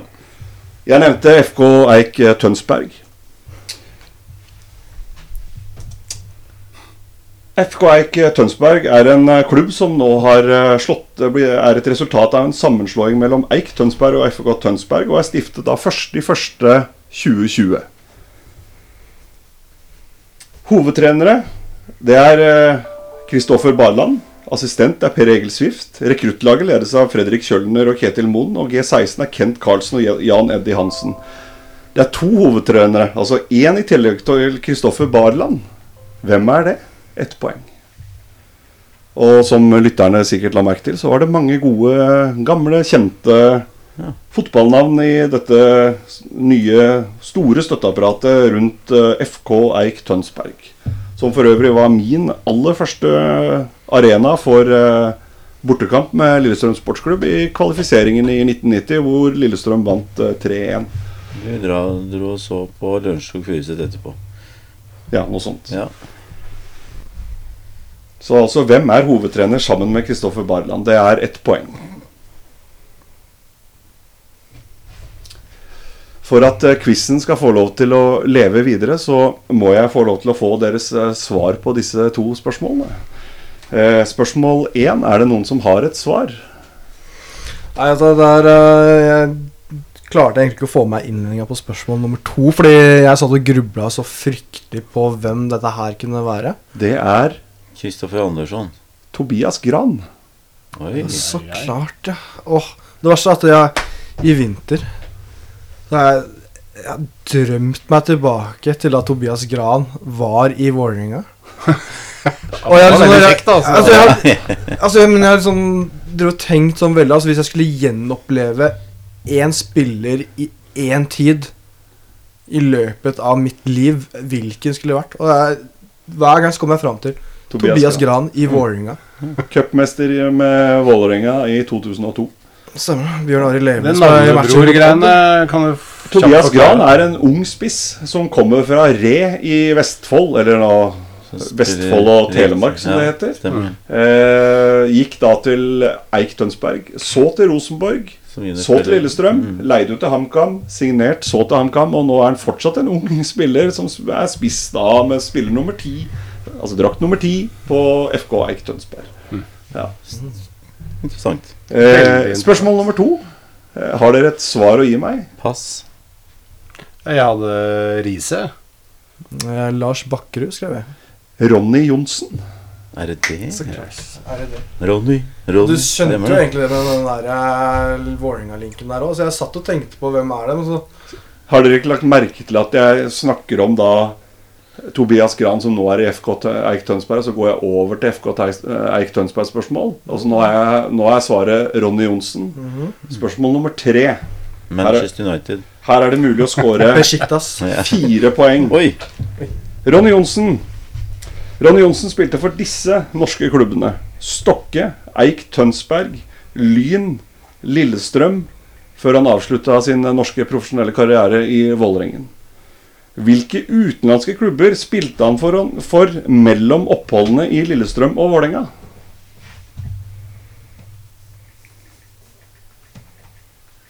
Og når jeg sier at det er fire poeng, så gjetter dere vel kanskje at det er eh, fire klubber.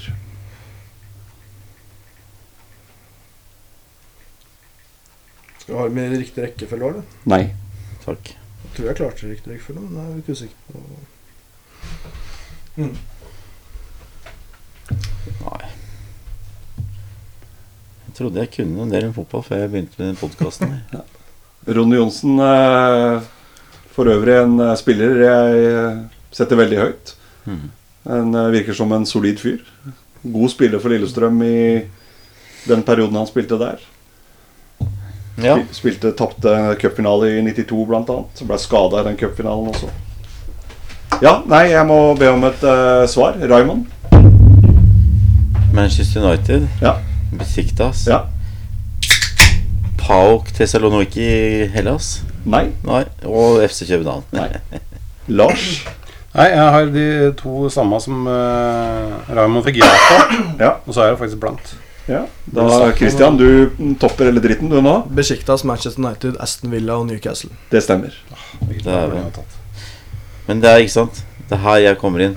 Jeg er glad i norsk fotball, ikke Premier League. Nei, men vi snakker om norske Ja, ja, ja, men det er derfor jeg bare redder meg inn. Som Ja. jeg ser ikke mye Premier League, så da Nei, men uh, Mr. Wolves uh, ser ikke Ja. mye Premier League. Nei, jeg gjør ikke det, faktisk. eh, Besiktas er nevnt. Mm.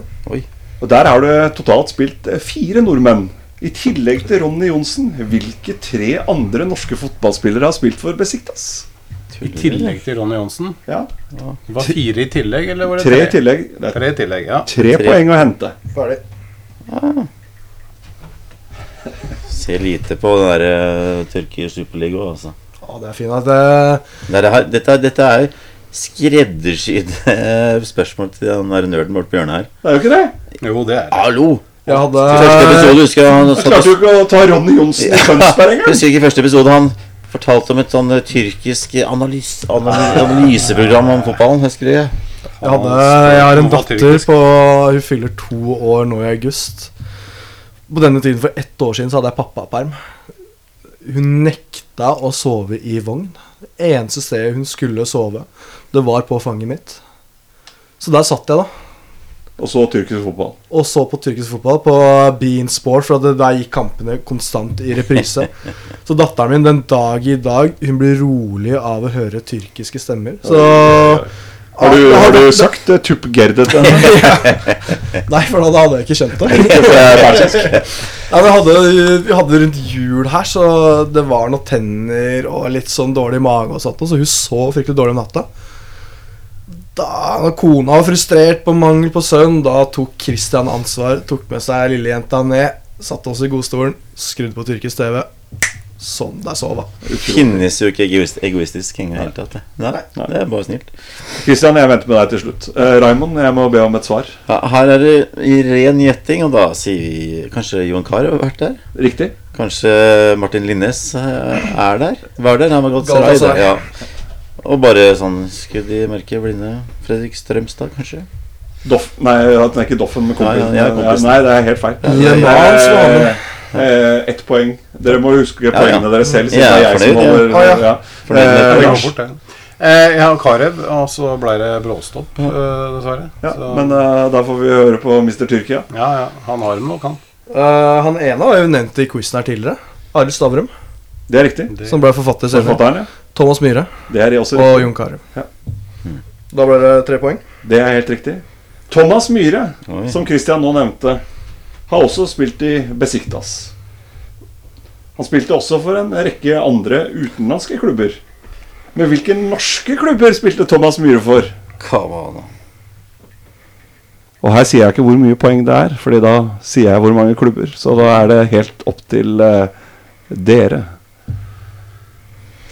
Ellers så kan jeg komme med en gledelig nyhet eh, mens eh, deltakerne de, Deltakerne må ikke se på meg, de må sitte og tenke. Og kan jo si at eh, 1.8 så er det nå åpnet for at uh, fotballspillere opp til eh, 20 år får lov til å spille kamper igjen. Så da blir det i hvert fall noe mer fotballkamper å se på i uh, i Bredde-Norge, og det er fantastisk gledelig. Og da er det bare å håpe på at det åpnes for eh, breddefotball så fort som mulig også, så at uh, vi ikke får eh, stort forfall i norsk breddefotball. For det er viktig at ikke andre idretter tar disse gamle hårde karer eh, og kvinner.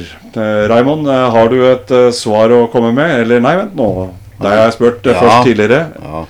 Christian gidder jeg ikke, for det det er fasit hver gang. Så Lars. Faen, ja. Nei, jeg kan begynne, jeg. Det går fort, det, altså. Ja? Ja, Viking. Eh, og så har jeg Moss.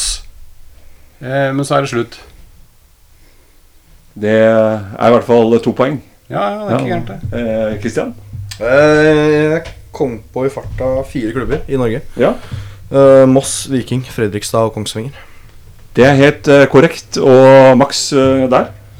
Ja. Stabæk Viking eh, og da Greken enn de to andre. Gjør gjerne det, vær så snill. Ålesund og Start. Jeg tenkte det var fire, da. Det var sånn, Jeg burde fått bonuspoeng for at jeg visste at det var fire. da Ja, jeg bare visste det. Absolutt ikke. jeg, tror, jeg tror til og med jeg kan ta det utenlandske også. Vær så god. Everton, Ja. Tranmer, Ja. Uh, Charlton, Ja. Birmingham, Ja, hva var det? ja? uh, Besiktas og FC København. Du mangler en. Ok. Hvilket land heter den? Det er England. Ja, Du mangler to, tror jeg. Sa du Charlton? Sunderland. Ja. Ja, ja et Sunderland er helt riktig. Hadde ikke klart den heller. Mye, veldig mye ut på lån. Ja. Ja, ja. Det var uh, min quiz, og den var jeg utrolig stolt med. Ja, stolt over. Fordi der var det en rød tråd som dere Det la dere merke til, da. Ja, Ja, Rød tråd var legge opp til Christian. Nei, det var det Ja, ikke. jo, på det ingen det. som helst måte. Den- ja, er det slik da å forstå at uh, man, uh, siden jeg leder soleklart i quizen, at det, alle andre quizer har vært lagt opp til meg, da, eller? Ja. Det er antageligvis sånn. Ja, okay. Så Christian og jeg samarbeider om quizene i forkant? Er det det dere sier? Noen må være.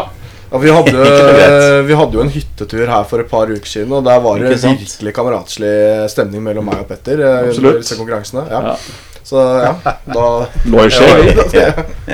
En ting var under konkurransen, og som skjedde etterpå. Det kan vi lage en annen podkast om. Eh, Da er vi tilbake igjen eh, vekk fra quizen. Eh, Lytterne kan slappe av og bare lytte uten å måtte konsentrere seg om å tenke på vanskelige spørsmål. Vi skal gå tilbake til Arne Ske- Skeie sin kjepphest, 'Mann på stolpen'. Vi har fått en ny mann som har tatt dette her eh, på absolutt høyeste alvor. Han har sendt e-poster, han har tatt kontakt med, med klubber, og han har fått svar. Kristian, dette har ridd deg, for du har lagt merke til at det er kun to klubber i Norge per i dag, altså i norsk eliteserie, som setter mannen på stolpen på defensiv corner. Det har det. altså det Her starta egentlig for en god stund tilbake. Vel har merket at det var en trend som uh, reiv over den europeiske fotballen med sonemarkering på defensive corner. Jeg syns det her var noe av det dusteste jeg har sett. Uh, jeg til og med Det var en lederartikkel i Josimar som snakka om det her var nye vin innen fotballen. Det var jo bare tåpelig. Du blir stillestående mot en angripende gjeng. Du klart slipper i mål. Eh, men det ble jo erstatta med en ny trend da, eh, rundt omkring i Europa. Med å ikke ha spillere på stolpene. Eh, og så så jeg første serien at Haugesund slapp inn en mål fem minutter på overtid. Ingen mann i stolpen. Da begynte jeg liksom Hvorfor har de ikke det? Og så la jeg merke til neste kamp jeg så, at dem har jo heller ikke det. Så når jeg sjekka igjennom, da Samtlige lag i Eliteserien, cornertaktikken er sånn. Og det er Viking. Har Yldren Ibrahim May på førstestolpe. De har en gammel trener, kanskje det er noe i det? Kan være. Og så har du Brann. Beklager. Litt skremmende med denne hostingen, men jeg må forsikre lytterne igjen at vi, vi har denne gylne Ja, ja, vi er gode sånn. Nei, Brann kjører Ruben Kristiansen på bakerste stolpe. Eh, jeg har sett at det er spillere som har starta rundt første stolpe med tydelig sonemarkering. For, for, for så fort corneren blir slått, så beveger han seg ut av den sonen. Uh, så det er sånn da 14 av 16 lag spiller med ingen spillere på stolpene. Uh, jeg prøvde å legge ut på Twitter, og det var noen som kunne finne ut av dette her. Ingen svar. Så, så sendte jeg en melding til uh, uh, Jan Remi Dalen, som er uh, assisterende trener i Mjøndalen. Og spurte han om han kunne gi meg et svar på det. Og det kunne han. Han var såpass hyggelig. Han eh, la ut om Mjøndalens cornertaktikk. Og vi fikk lov til å sitere den i podkasten også. Kanskje for at det er ingen som hører på, så da Altså, det som uh, Og de møter jo ikke Strømmen, de 100 lytterne vi har som er fra Strømmen. Ja, ikke sant? ja. Er det 75 de hadde sesongkort? Ja. Uh, altså, det Det han skrev, da, at uh, i de aller fleste tilfellene så kommer motstanderen med fem spillere inn i deres boks. Og da frigjør dem Eller da har de fem spillere som markerer disse. Så frigjør de én spiller til å punktmarkere, eller som er eh, Sone. ja, sonefri, da. Han kan gå etter ballen. Det er hans eneste oppgave å gå etter ballen. Så har de én spiller på første stolpe som har sonen der sånn. Han skal egentlig ta unna korte cornere, eller hvis han blir for kort, eller hvis han slår en Har en vri, da det kommer en i møte, så skal han ut og støte der sånn. Det er hans oppgave. Bare han. Der, der, der også, det er en annen kjepphest jeg har. Nei, men de har to spillere etter rommet. Så da skal også én der også følge etter. da okay. Og så har de én spiller på topp. Uh, altså, grunnen til at de ikke har noen på bakerste stolpe, er for at den keeperen de har nå, er en såpass trygg på er så god i feltet at det som måtte komme der, det plukker han ganske lett. Så spurte jeg da altså hva gjør det med hvis det blir fire mann, da? Setter du en på stolpen da, eller kjører én mann opp? Da sa han at det var veldig sjeldent at motstanderen kom med fire mann. Enten så var det fem eller seks. Uh, men hvis man fikk en mann mindre man måtte markere der sånn, så flytta man enten én ekstra i returrommet, eller flytta han helt opp på topp. Så da ligger de med tre returrom, da. Tre returrom eller to på topp. Okay. Og så spurte jeg, men i de tilfellene hvor motstanderen pakker inn keeperen deres, og målet er helt bevisst å slå han så tett mot mållinja som mulig, hva gjør dere da? Fortsatt. Da kan de ha han som da markerer første stolpe, man snevrer inn den sonen han har. Så han kanskje har litt mer fokus på det, men det er ingen spillere som vil ha som oppgave å stå på stolpen. Og Det var svaret vi fikk fra Mjøndalen. Han sa jo at det er litt sånn ulik praksis uh, hva man gjør fra klubb til klubb. Men han skrev også at eh, før hver kamp så går de gjennom de 50 siste cornerne til motstanderlaget. Altså de er ganske sikre på hva som kommer fra kamp til kamp. Ja. ja. Jeg ble litt klokere, i hvert fall. Ja, det er interessant. Takk til uh, Ass Coach i Mjøndalen for Ja. eh, svar. Veldig hyggelig. Men, men det, er jo, det er jo en interessant debatt, fordi at eh, man kan godt Hvis, du, man- hvis man ser det på sånn, ja eh, Fem minutter på overtid, man slipper inn et mål på første. Man ville sannsynligvis redda den. Men hvor mange flere dueller vinner man inne ved å ha soneforsvar? Det må man jo også ta i den betraktningen der. Eh, det var jo Soneforsvar er vel at én ligger litt, på, litt foran første stolpe. Så ligger det to, nei, tre til fire spillere rundt femmeteren og har sonen der. De skal ha en sone på én til to meter. Og to-tre meter utenfor der igjen så er det altså en to til tre mann som er utenfor. ikke sant? Så det er, her handler det bare kun om å vinne den ballen. Du slipper på en måte å følge noen løp. Fordi der er det jo også mange mål som blir skåret. Fordi at hvis du har mann-til-mann-markering, så glipper jo den, det løpet Du får den halvmeteren Ja, i, jeg i, husker i, i på bevegelsen på hvis jeg, offensiv. hvis jeg de får, de, Ofte hvis jeg fikk nye trenere, så hvis jeg fikk oppgave å være med på defensive cornere, så var det veldig sjelden etter de første cornerne at jeg var med. For jeg var elendig til å følge det løpet, da. Og hvis min mann fikk ballen da, så ble det en stor sjanse. Ikke sant? Gjorde du det med vilje for å stå igjen offensivt? Kan det være det, altså. At jeg tenkte Det litt var for eh, langt å løpe opp jeg var veldig glad i kontringer, så Men ikke sant, men da Så man Ja, det er Man kan tenke Arne Skeie-metoden her også. At man Det er kjepphesten hans. Der skal du være noe, for da redder du mål. Men du må også tenke helheten i det. Hvor mange mål eller antall sjanser imot også avverger du, da. Ved å ha soneforsvar også. Eh, Men, men det der er, som du er inne på, soneforsvar Når du står i en sone og får en eller annen svær eh, midtstopper løpende inn i feltet Faen, Da kan du stå så mye du vil, jeg har ikke kjangs. Altså, du Opphoppere blir mye dårligere når du er stillestående Ja, kontra det å komme i fart. Ja, ja, absolutt. Selvfølgelig. Men her også ja, hvordan, hvor, hvordan kommer ballen? da? Kommer den utoverskudd, innoverskudd? Er den rett fram, flat, hard?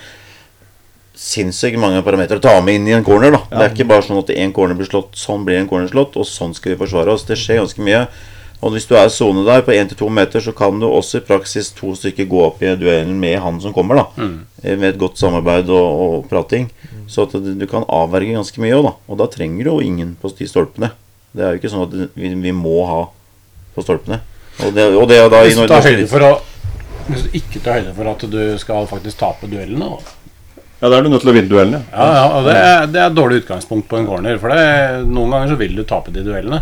Og det blir veldig ofte hva kan jeg si, klabb og babb, hvor det kommer en lang tå og da mot mål. Og det, sånn var, det har vært redda mye mål øh, å ha den mannen på stolpen. Absolutt. Men det er sikkert det er masse mål å ha soneforsvar òg. Ja da. Det er jeg, mener at, jeg eh, tenker at det, ja. liksom, hvis, det er vanskelig da å vurdere. Og jeg tenker at det er sånn som de Sånn tenker Mjøndalen. Sånn tenker Stabæk. Sånn tenker Rosenborg. Ja, det går gjennom 50 neste Kanskje det endrer seg litt fra gang til gang òg. Det kan jo bli interessant å følge med på. Altså jeg ville Hadde jeg vært med jeg, Eller hadde jeg vært trener, da, så hadde jeg har en sånn stor som Makani, da. Keeperen hennes som er så trygg i feltet at du trenger ikke å bekymre deg for at den går inn bak, eller at det, den havner sånn. Jeg, de har to retterommet. Jeg ville flytta den ene retterommet helt frem for å tvinge enda en spiller fra motstanderen tilbake i sitt eget forsvar. For den vil alltid ligge i overtall. Så hvis du ligger med én, så ligger den igjen med to. Ligger den med to, så ligger den igjen med tre. Du har frigjort én spiller inn i boksen. Da kan du spille fire mot fire, og så har du to mann som står fri kun til å gå etter ball. Da har du de spillerne som skal markere spillere. Den markerer ikke spillere, den skal ikke bry seg om ballen i hele tatt. Kun gå i kropp, kun form unna. Så har du en feltgod keeper og to spillere som har eneste oppgave er å klarere ballen. Så, så bare for å være litt sånn kverulant, da. Men noe jeg også mener, da, er jo også da at det, jo færre du tar Eller jo flere du tar ut fra 16-meteren og eventuelt har på stolpene, jo van, mer rom blir det jo i 16-meteren. Og da blir det enda vanskeligere å følge den, den, det løpet da som endelig kommer. Får du et godt løp Men da får du bedre arbeidsvilkår for en god keeper. Ja, jo, Altså, selvfølgelig, men også for, også for en god spiss. da Også for en lur, slu spiss. da En god spiss han står jo ofte der returen eller et eller annet stussen faller ned. ikke sant Og hvis han får enda mer rom, da så får han jo en enklere øh, vei til mål. da Så det er, det er dødsvanskelig, det greiene der. Så det er sikkert sånn Å være trener på det området der, da Det er sikkert spennende å, å, ha, å tenke seg ut til en måte til en sånn Hva skal vi gjøre, da? Og jeg, jeg, jeg må innrømme at jeg, dette er ikke noe jeg sitter og tenker så sinnssykt mye på når jeg ser fotball. Da. Så det var ganske gøy å, å prate. Ja, det må jeg begynne med det. Men å følge med på det, da. At vi kanskje om en, en stund igjen har, har den røde tråd og tenker at det, er det fortsatt bare to klubber som har det? Ja, at Om det er en utvikling på det. Ja. Jan Remi Dalen er jo også analyseansvarlig i Mjøndalen. Mm. Så han har hans oppgave å analysere motstanderen. Så da, Ja, ikke sant? Så kanskje de varierer, de også, i, Men i løpet av en sesong. Jeg tenker på det du sier med at det, på en måte det, også, det er vanskelig å følge mann hvis det er færre i felt og alt sånn, men, men, men noe av poenget med, med en markering da, framfor, eh, framfor en sone, tenker jeg er du- som forsvarsspiller så må du jo, skal du få tatt mannen ut, så må du gjøre det idet han setter i gang. Du kan ikke begynne med det når han har begynt å ta de tre første skrittene. Du må sørge for at det første skrittet hans, det blir dårlig. ja, du må hindre tilløpet Ja, innenfor. ikke sant? Så, Selvfølgelig. det har du aldri skjønt som eh, angrepsspiller. Oi, men, eh, jeg skåret så mye Nei da. Men, men det er selvfølgelig. Og da, men da snakker vi Blir man så gode, så blir det 0-0 i alle matcher stort sett. Da, ikke sant? Sånn sett, på corner, ja. Ja, men, men poenget er jo at det, det finnes jo dessverre bedre spisser enn midtstopper innimellom. Lurere. Jeg har aldri jeg vært borti. det. Men så, det skal sies at de beste hodespillerne er dem du frigjører for å kunne gå etter ball. Da. Det er jo Ja, også ja. det Absolutt, Jan Remi skrev på, at eh, det er jo det er den beste hodespilleren som står fri. Og, Så du, altså, det du gjør, altså er en eh, rask spiss, god bevegelig spiss, så setter du en liten klegg på den. Kun er der for å plage den, Ja. for å hindre tilløpet hans. men jeg mener såpass at det er noen spisser er vanskelig å mannsmarkere. Da. Mm. Eh, andre er mye enklere. Ikke sant? Så der også må vi analysere. da Hvem er liksom, Hvem møter vi nå?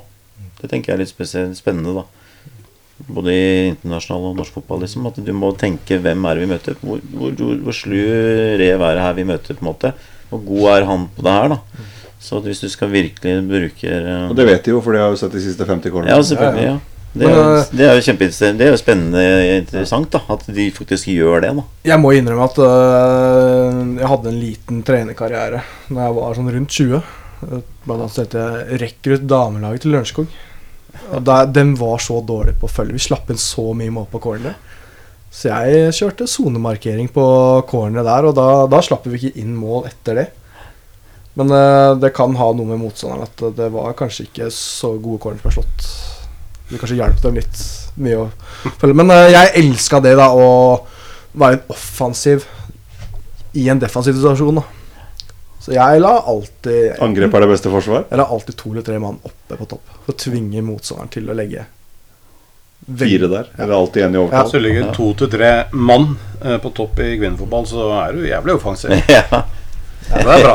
ja, det er Og, det, og, det, og, og det er egentlig ganske defa Jeg elsker defensiv fotball. Jeg elsker sånn Jeg tror ikke du forsto hva han mente. to til tre mann. mann, ja. Ja, Ja. ja, ja, ja. Men, eh, men Endelig tok vi deg på noe. ja, ja, ja, ja. Men uh, uansett, da. Det er spennende å liksom, sånn statistikk hvor, hvor mye Hvor mange mål blir det på corner i løpet av ti første rundene? Hvor mange corner er det blitt slått? Det er bare å se kampene til start. Ja, Så ser du at eh. Start eh, slipper inn på alt som er av dødballer. der er det kaos. Men eh, det er jo litt sånn interessant. Jeg, snak, jeg snakka tidligere om at jeg hadde hørt på noe Jeg på noen danske podkaster om fotballtaktikk. da Og da var assistentlæreren i Esbjerg som snakka om det med Han tok fram et eksempel med lange utspill fra keeper kontra korte utspill. Mange mener at man spiller med høy risiko når man spiller korte utspill. Men altså, sjansen for å beholde ballen i laget er jo vesentlig mye større ved den korte pasningen enn å skulle slå en lang pasning opp mot etablert forsvar. da. I hvert fall når du ser i tillegg hvor upresise eh, keeperne i norsk eliteserie er på utspark. Ja, så Ali Hamada hadde kanskje sju langpasninger utafor sidelinja i Brann Viking. Ja. Men jeg, og så sa han det samme at eh, han kunne ikke fatte lag som baserte spillet sitt på innlegg. For der også er det veldig liten sjanse for at du kommer ut av det med ballen. Når du da skal slå ballen. Det er liksom hovedtaktikken. da Du skal lempe ball. Det er det veldig mange norske lag som gjør. Ballen ut på kanten, lempe inn i boksen. Du er alltid i undertall. Ja, det, er på, det, er for, det er forskjell på lemping og, og innlegg. Nei, I norsk fotball så er det mye lemping. Altså, ja, det er, det er jeg enig i. Ja. Altså, men det er altså, Igjen, altså Da spiller du med høy risiko. Ja, men for en som vokste opp med Dennis Schiller på høyrebekken til Lillestrøm, så vet jeg at det, det funker også. Det, det, det kan funke. Stabæk Det er vel ikke så mye lemping igjen, da. Mm. Stabæk hadde jo Ja, det var, det var Ja, det var harde, virkelig. køla, deilige innlegg. Ja, Ja. ikke lemping. Kristiansund hadde også veldig fin scoring på innovervendt. Slår på bakerste Mm. inn, liksom. Men jeg tar litt med på kontring. Og så kom et etablert forsvar. Vi har sett Rosenborg. De har ikke skapt noe på de innleggene sine. Altså, Hvor mye vi kunne skapt da hvis det heller hadde kommet beløp fra indreløperne Ja. som heller slått på det løpet. Det er mye større sjanse for å få noe ut av det. Og Da er vi tilbake til den der andre bevegelsen, syns jeg. Fordi at det er nok en gang, da, Hvis du står og stamper litt, som man ofte gjør i norsk fotball Et lag kommer jo og ofte Her skal vi forsvare oss. Og det andre laget er veldig klar over at her kommer vi til å, å, å trykke på og, og stå i riktig stampe litt. Så blir de så veldig fort utålmodige. Ja. Og da begynner de å spille på den første de ser. Men Også- det var tanken mitt med det, det jeg ville fram til, er jo at å slå den corneren inn i boksen er veldig Det er ikke en opplagt skåringsmulighet. Hvis du begynner å forherlige kort corner nå, Ja. så går jeg. Altså, da, da er jeg altså, Kort corner, ny bølge, den Du, du risikerer du, du kan jo skape veldig mye mer. Det blir ikke scora på kort corner. Kort corner Nok er en interessant statistikk. Spørs litt hva da. som er kort corner. da, For den, den greia som, som Drillo hadde, da som han forfekta det med at du bare får en bedre vinkel. da Ja, ikke det er, altså én meter bank- ut, og så, og altså, så banker og så du den inn allikevel, stopper ja. han demper, stopper Ja. ballen, og så kommer cornertakeren og klasker den inn. Ikke sant? For å få den Det også bedre en vinkel. men da får ja. den inn i det feltet. Men, eh, og så har det skjedd noe i feltet i mellomtida i tillegg. Et av de vakreste norske landslagsmålene noensinne scora, var jo en kort corner. Norge San Marino, Kjetil Rekdal med hæren.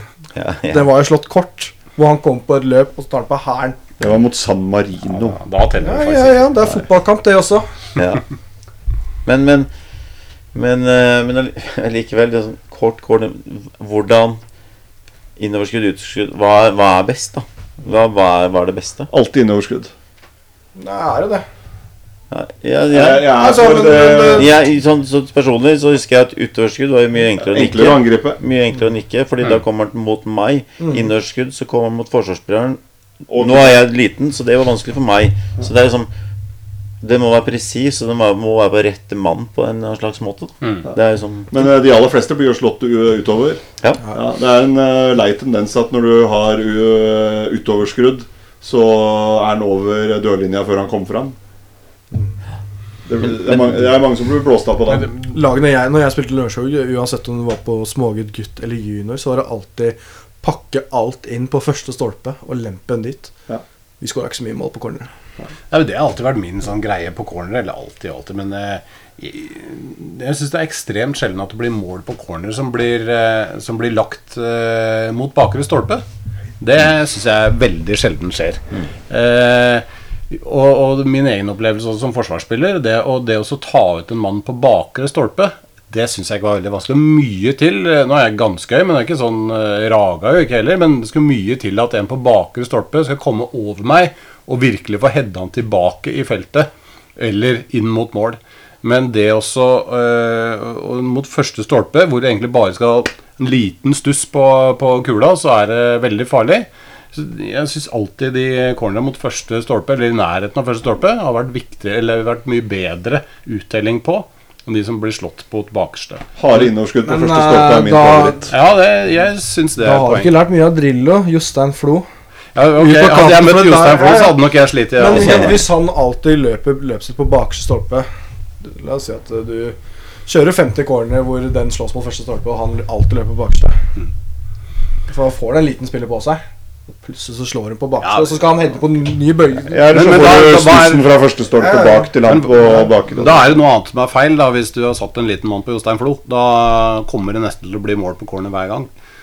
Så det kommer helt an på hvor god og jævlig den spilleren er til å punktmarkere. Det er jo det, det er jo litt interessant, for når det var eh, frispark så ut fra sidene, eh, så hadde jo eh, Vålinga, når eh, Håvi spilte, Tom Henning Håvi, hadde det trikset hver gang. Og det gikk motstanderen ofte på.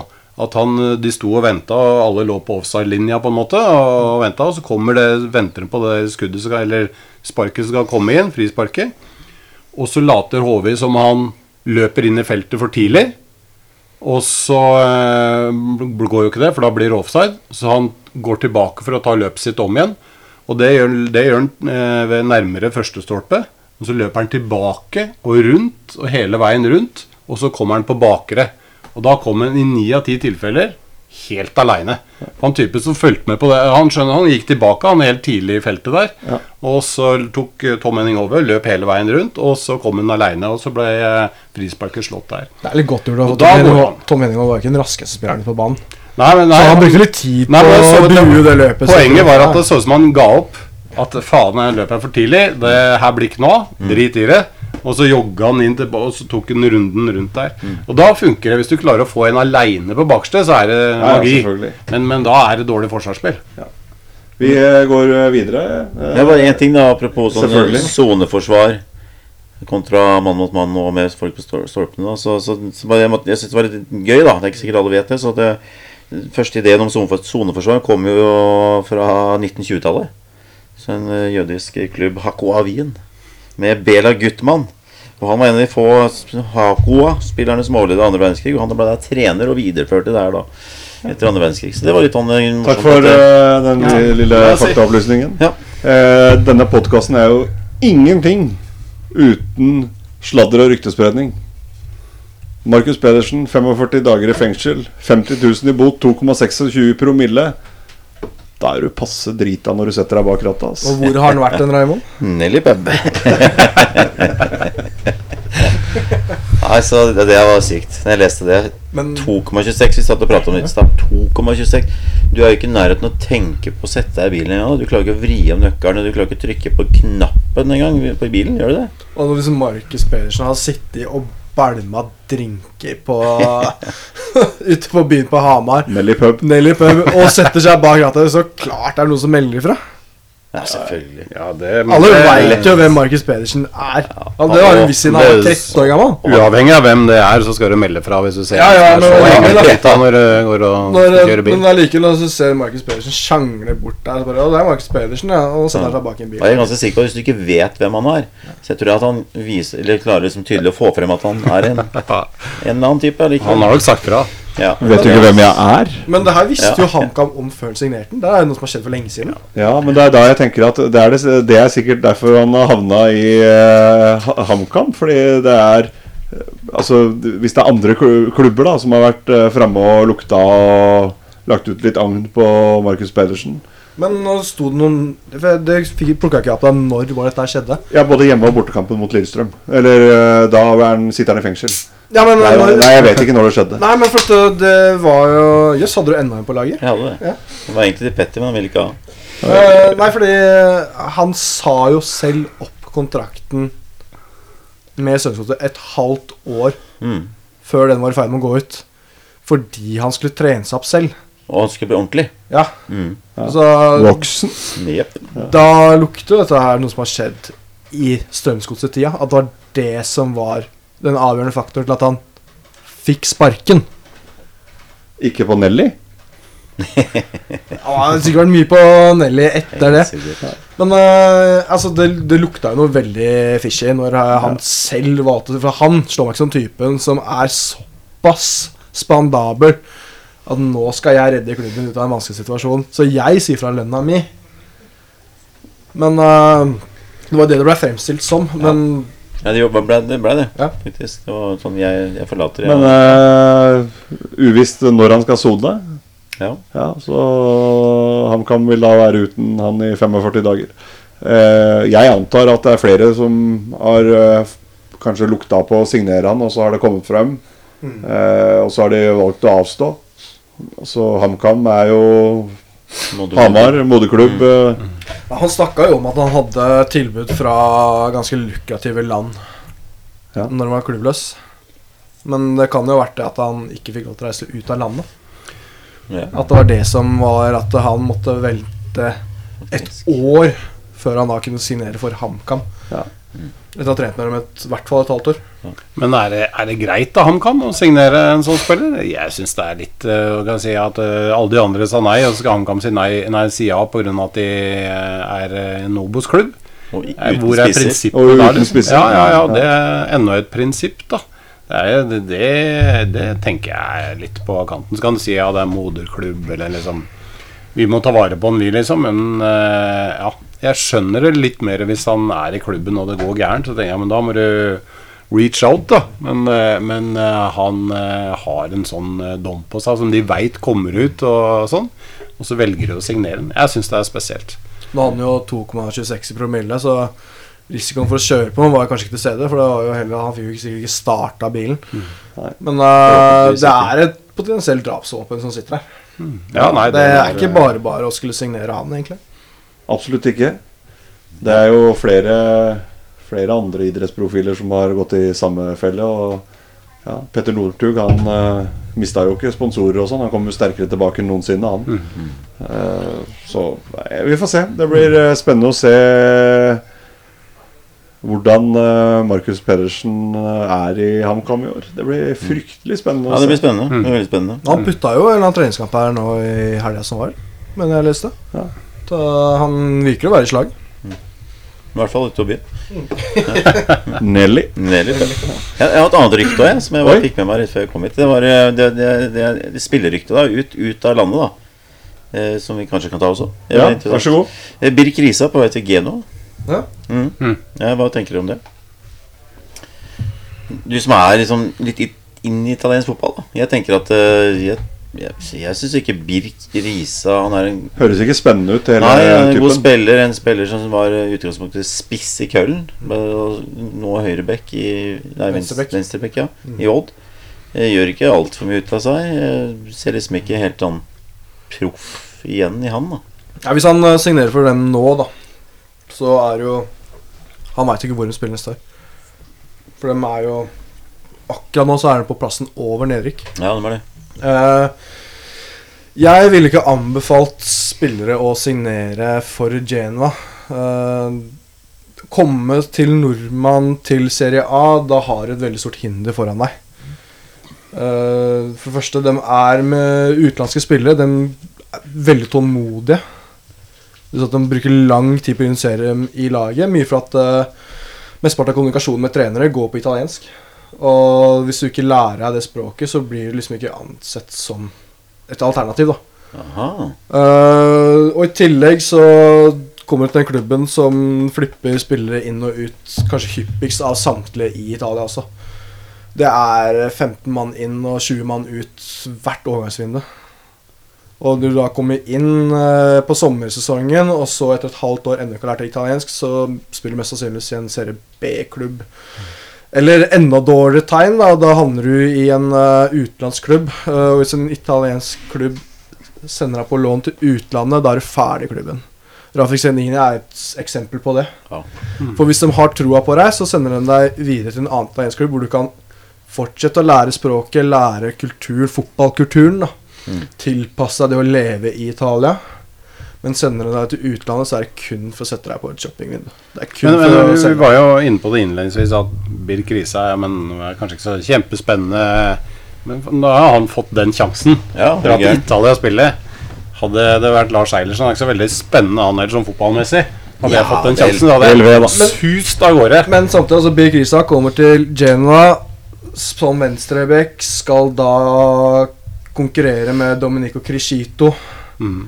Det, Som, det visste jeg ikke om, faktisk. fortsatt er eh, Til tross for at han begynner å dra på åra, er liksom vannskorpa til det italienske landslaget. Han er Ja, klubbkaptein. trekker han er lokale Det ikke. Det, da trekker jeg meg lett. Nei, men det er jo fortsatt en syk sånn sjanse, da. Og det er sånn Ja, men Du hadde det er fortsatt, du hadde fortsatt dratt, Lars. Jeg hadde dratt lett. altså, og det er, det er kanskje en dårlig sjanse, men det, selv om jeg hadde visst det, så hadde jeg dratt lett. For jeg tror også det at eh, la, okay, hvis, hvis han bommer, da Det er en fair sjanse for at han bommer, la oss si det ut fra hva du sier. Så blir jo han plukka opp av en norsk klubb igjen på vei tilbake, eh, med en litt mer spennende klubb enn han er i nå. Og kanskje en god del høyere lønn enn han har nå. Ser, What's to lose, liksom? Det er bare å kjøre på. Genoa ser en spiller de kan hente til en rimelig penge, som Ja. forhåpentligvis eh, kan få noen kamper på landslaget innen kort tid. Dem vil låne ut en annen utenlandsklubb, håpe at han får suksess der, så kan han selge med gevinst. Det er det jeg tenker at de kommer til å gjøre. For det Dominic Riscito er jo kaptein i Geno. Ja, ja. Og det her er sånn italienske klubber driver. Ja, og, og det det, er- det må du bare være med på, tenker jeg. Og, men jeg, Det er en opplevelse. men, men, men, Ja, ja, ja. men er det her lov? Er det, det er sånn som jeg har tenkt på noen ganger, faktisk. Er det her, du sier at eh, han går dit, tar sjansen, for så å komme tilbake til en bedre norsk klubb. Er det på en måte ja, Er da, da, da, da går han jo til en Rosenborg. annen utenlandsklubb, da. Ja, men, ja, men, ja, men la oss si at mislykkes, da. ja. Hvis det mislykkes, så tar det et år eller to. Men er det greit å gå til du- Rosenborg ennå? Er det greit, liksom? Er det hvis du tar sånn hvileår i Italia? Ja. Ja, jeg bare spør. Ja. Ja, men så, Sånn er fotballen blitt. Ja. Men det er sant, altså, De snakker jo ofte om at uh, man kommer til en klubb og som trener som har tro på deg. Altså, Genoa er en av de klubbene som bytter trener hyppigst i Serie A nå. Og det har vært det i ganske mange år. Så han kommer jo skal kjøre en oppkjøring med en trener han ikke veit sitter om to uker. Nei. For det er såpass hyppig de bytter, og så kommer en ny trener inn. Hele utgullet skal fyren som var der når du kom, plutselig være tilbake igjen. For det er litt sånn regelverket er i Italia. Ja. Så det er et sjansespill å dra til Italia. Jeg anbefaler egentlig ikke norske spillere å dra dit. At da bør du ta et mellomsteg før du tar den. Men så Thorsby putta nå mot Inter i Ja, men går. han, han og Thorsby, uten å sitte på altfor mye detaljer, han drar griseflaks. Fordi der kom Claudio Ranieri inn. Han var helt ute i kulda. Det var altså snakk om at eh, han skulle ut til en utenlandsklubb. Og det var også det jeg tenkte når han signerte den. Her er en spiller som kommer gratis, som kanskje kan komme inn på et landslag. Vi kan selge den videre til en ny klubb med gevinst. Mm. Hvor Og så- gammel er Risa? Er det noen som veit det? 23 ja, 24 år. ja. Ja. Men Thorsby han blei værende. Den fikk han ikke ut av klubben. Og så ble det trenerbytte. Claudio Ranieri kommer inn. Den ene italieneren som snakker italiensk innen fotballen. Og så plutselig er han inn på laget igjen. Engelsk, mener du? Ja, han snakker, ja, altså Claudio Ranieris tar jo prøver i England, så han snakker engelsk. Eh, hadde det vært liksom Jeg hørte han uh, Jansson, uh, som spiller i Brentford nå, som var i Torino. Pontus. Pontus Jansson som fikk spørsmål om hvordan Ja, hvordan er praten mellom deg og Ventura? Da hadde han vært der i omtrent et år. Og da var sånn Nei, jeg har ennå ikke lært meg språket, så Ventura snakker ikke til meg. Han guider ikke meg på treningsfeltet, fordi jeg forstår ikke instruksene hans, så da bruker han ikke tid på meg. Da bruker han tid på noen andre. Men dette er interessant, eh, Petter, i forhold til eh, Peter Wernie, som er en, eh, ja, en gammel Lillestrøm-spiller som da i veldig ung alder Husker du hva han var noe av det viktigste han gjorde? Det var å lære seg italiensk. Og det var fordi han drømte en gang om å spille i Serie B. Og da hadde han jo kunnet språket når han kom dit. Og Skulle spille for Sampdoria. Ja, ja, selvfølgelig, men han skulle først til Serie B, husker jeg. For å komme seg inn på han så sine Lars Bohinen Bohin satt jo med den jævla ordboka hele tida. For å, han skulle også spille var i Italia. Juventus-supporter. Uh, ja, Werner er jo Sampdoria-supporter. Mm. Men det er jo Haitam Al-Samia som Han hadde en viss suksess. Han var ikke god på banen, men han hadde vel høy status i klubben. Han lærte seg språket med en gang han kom dit, og han fikk en veldig høy stjerne i klubben pga. det. Så var det sånn som jeg nevnte Rafik Seknina, som ble sendt videre til uh, først Rosenborg og så FC Tvente. Da har jeg snakka med Hans Fredrik Seime, som bodde på den tida i Firenze. Uh, og han sa at uh, the talk around town da, var at uh, han har ikke giddet Eller tatt forsøk å lære seg språket. Da er han ferdig etter et halvt år. Jeg, jeg, kan ikke, jeg kan ikke komme over det. Jeg tenker at eh, Nå går kanskje litt utover Birk Krisa dette her, men, eh, men jeg tenker at det er ikke så sinnssykt mange utenlandske klubber som har sikla på han over lang tid. Så det har liksom kanskje vært det står mellom Genoa og Randers, da. Det kommer utover Randers igjen. Og så tenker du liksom Skal jeg spille altså, Nå har du sjansen til å spille Derby de la Lanterna, og du har i hvert fall muligheten til det. Mens i Randers så er det skal du møte Silkeborg uten ikke noe gærent om dem. Nei, det er det ikke. Men da er det er liksom Faderen, eh, du, faen, hvis du ikke tar sånne sjanser, faen, da er du da Det kommer du til å angre på. Ja, lykke til. Han må bare dra. Det er supert at han drar. Rent bortsett fra at du skal ikke tømme Eliteserien for spillere, det er ikke det. Men eh, hvis Genua kommer, og du har muligheten til å få noen kamper i Serie A til og med Faen, da må du dra, altså. Da tenker jeg at eh, da er det jo bare på en måte å sende Eller noen får sende Virker Lisa på italiensk kurs. Ja. Og så signerer han den kontrakten. Og tar så lar vi det ligge der. Buongiorno. Buongiorno. Ja, men uh, altså, annet av Jens Petter Hauge i Bodø-Glimt har jo vært rykta til Seisel Brygge i ganske lang tid. Mm. Og så titta jeg innom fotballrunden på søndagen, for det jeg hadde unger jeg skulle passe på, så jeg fikk ikke satt meg ned med en kamp live. Jeg måtte se dem i opptak. Eh, men eh, da kommer liksom spørsmålet Ja, når drar han? Når drar han? Og så sitter jo faktisk Julesport og runden før så sitter jo Ran Sture som sier at eh, alt er klart. Klubben er enig, spillerne er enig. Legesjekken gjenstår. Men overgangsvinduet i Belgia er ikke åpent. Og hvis den skal sende den ned til Belgia på en legesjekk, og så få den tilbake så har den ti dagers karantene. Riktig. Så dem vil ikke sende ned til Belgia for å gjennomføre legesjekken før overgangsvinduet der nede er åpent. Tror den er godt, det? Og da, for da blir overgangen gjennomført der og da. Så derfor har vi gleden av å se han i Eliteserien litt lenger. For han har vært god innledningsvis. Det er derfor ikke jeg gidder å dra til Sverige og handle lenger. Det er mottatt. Karantene? Vi eh, går eh, videre i programmet, og til eh, de som har sagt eh, av våre lyttere at det er altfor lite Petter, så blir det litt mer Petter nå, for det er eh, lyttespørsmål. Og Da skal jeg få gleden av å lese opp eh, lyttespørsmålene. Og det går jo Vi har to lyttespørsmål denne gangen, og det går jo mye på det samme. Eh, som vi også tidligere har diskutert i programmet, men vi kan gå litt dypere inn på det. Eh, spørsmål nummer én er et spørsmål om disse tomme tribunene. Eller ikke tomme tribuner, da, men 200 personer på tribunene. Og hvordan klubbene klarer å løse det. Og vi hyller nok en gang eh, Pyro og Pivo. Det er eh, folk i lærevesenet her som eh, er på sin velfortjente avspasering, så her eh, jeg koser man seg. Kan jeg få lov til Ja, det kan, det, jeg kan ta det selv. Vi eh, starter Jeg i fikk faktisk spørsmål fra en kollega. Én ting jeg savner, da. Den der Da svarte jeg vi er faen ikke Pyro Pivo heller. Ja. Men nå sitter vi her, da. Og så Jeg vi sitter her på en tribune og har ja. tribuneprat. Eh, Første spørsmål, altså tomme tribuner, eh, og hvordan klubbene klarer å løse dette. Vi går til første serierunde, og det er to stadioner som slår meg. Det er uh, Sarpsborg, hvor de klarer å sette klekken eh, bak mål. eh, Forholdsvis eh, ganske tett eh, på hverandre. Og det er eh, Rosenborg med Norges største stadion som klarer å trykke alle 200 inn på samme felt. Det er vel eh, Altså hvordan klubbene klarer å løse det. Altså De to klubbene klarte vel ikke å løse det i det hele tatt. Og det var jo i ferd med å ødelegge for eh, Altså Hvis det er noen som hadde driti seg ut nå i runde to, så hadde man jo sikkert mista hele det for noen privilegiet å ha noen på kamp. Ja, det er provoserende, da. Jeg, eh, Ja, det er amatørmessig. Ja, og det, og det, men det er provoserende på den måten at eh, nå har fotballen kjempa for å komme i gang først. Og så kjemper de for å få litt folk på tribunene. Og 200 det er ikke så veldig mye og spiller kanskje ikke så stor rolle. Men det, på et eller annet tidspunkt så skal det kanskje åpnes da helt opp. eh, Og, og, og så har man en rekke smitteverntiltak. Og så velger faktisk Rosenborg og Sarpsborg å gi fullstendig faen. Og ikke ha noe vakthold som tilsier at de skal følge de reglene. Og det er live på TV. Eh, og alt kommer ut, og det, det syns jeg er provoserende. Da er det, som du sier, potensielt at det går utover eh, alle.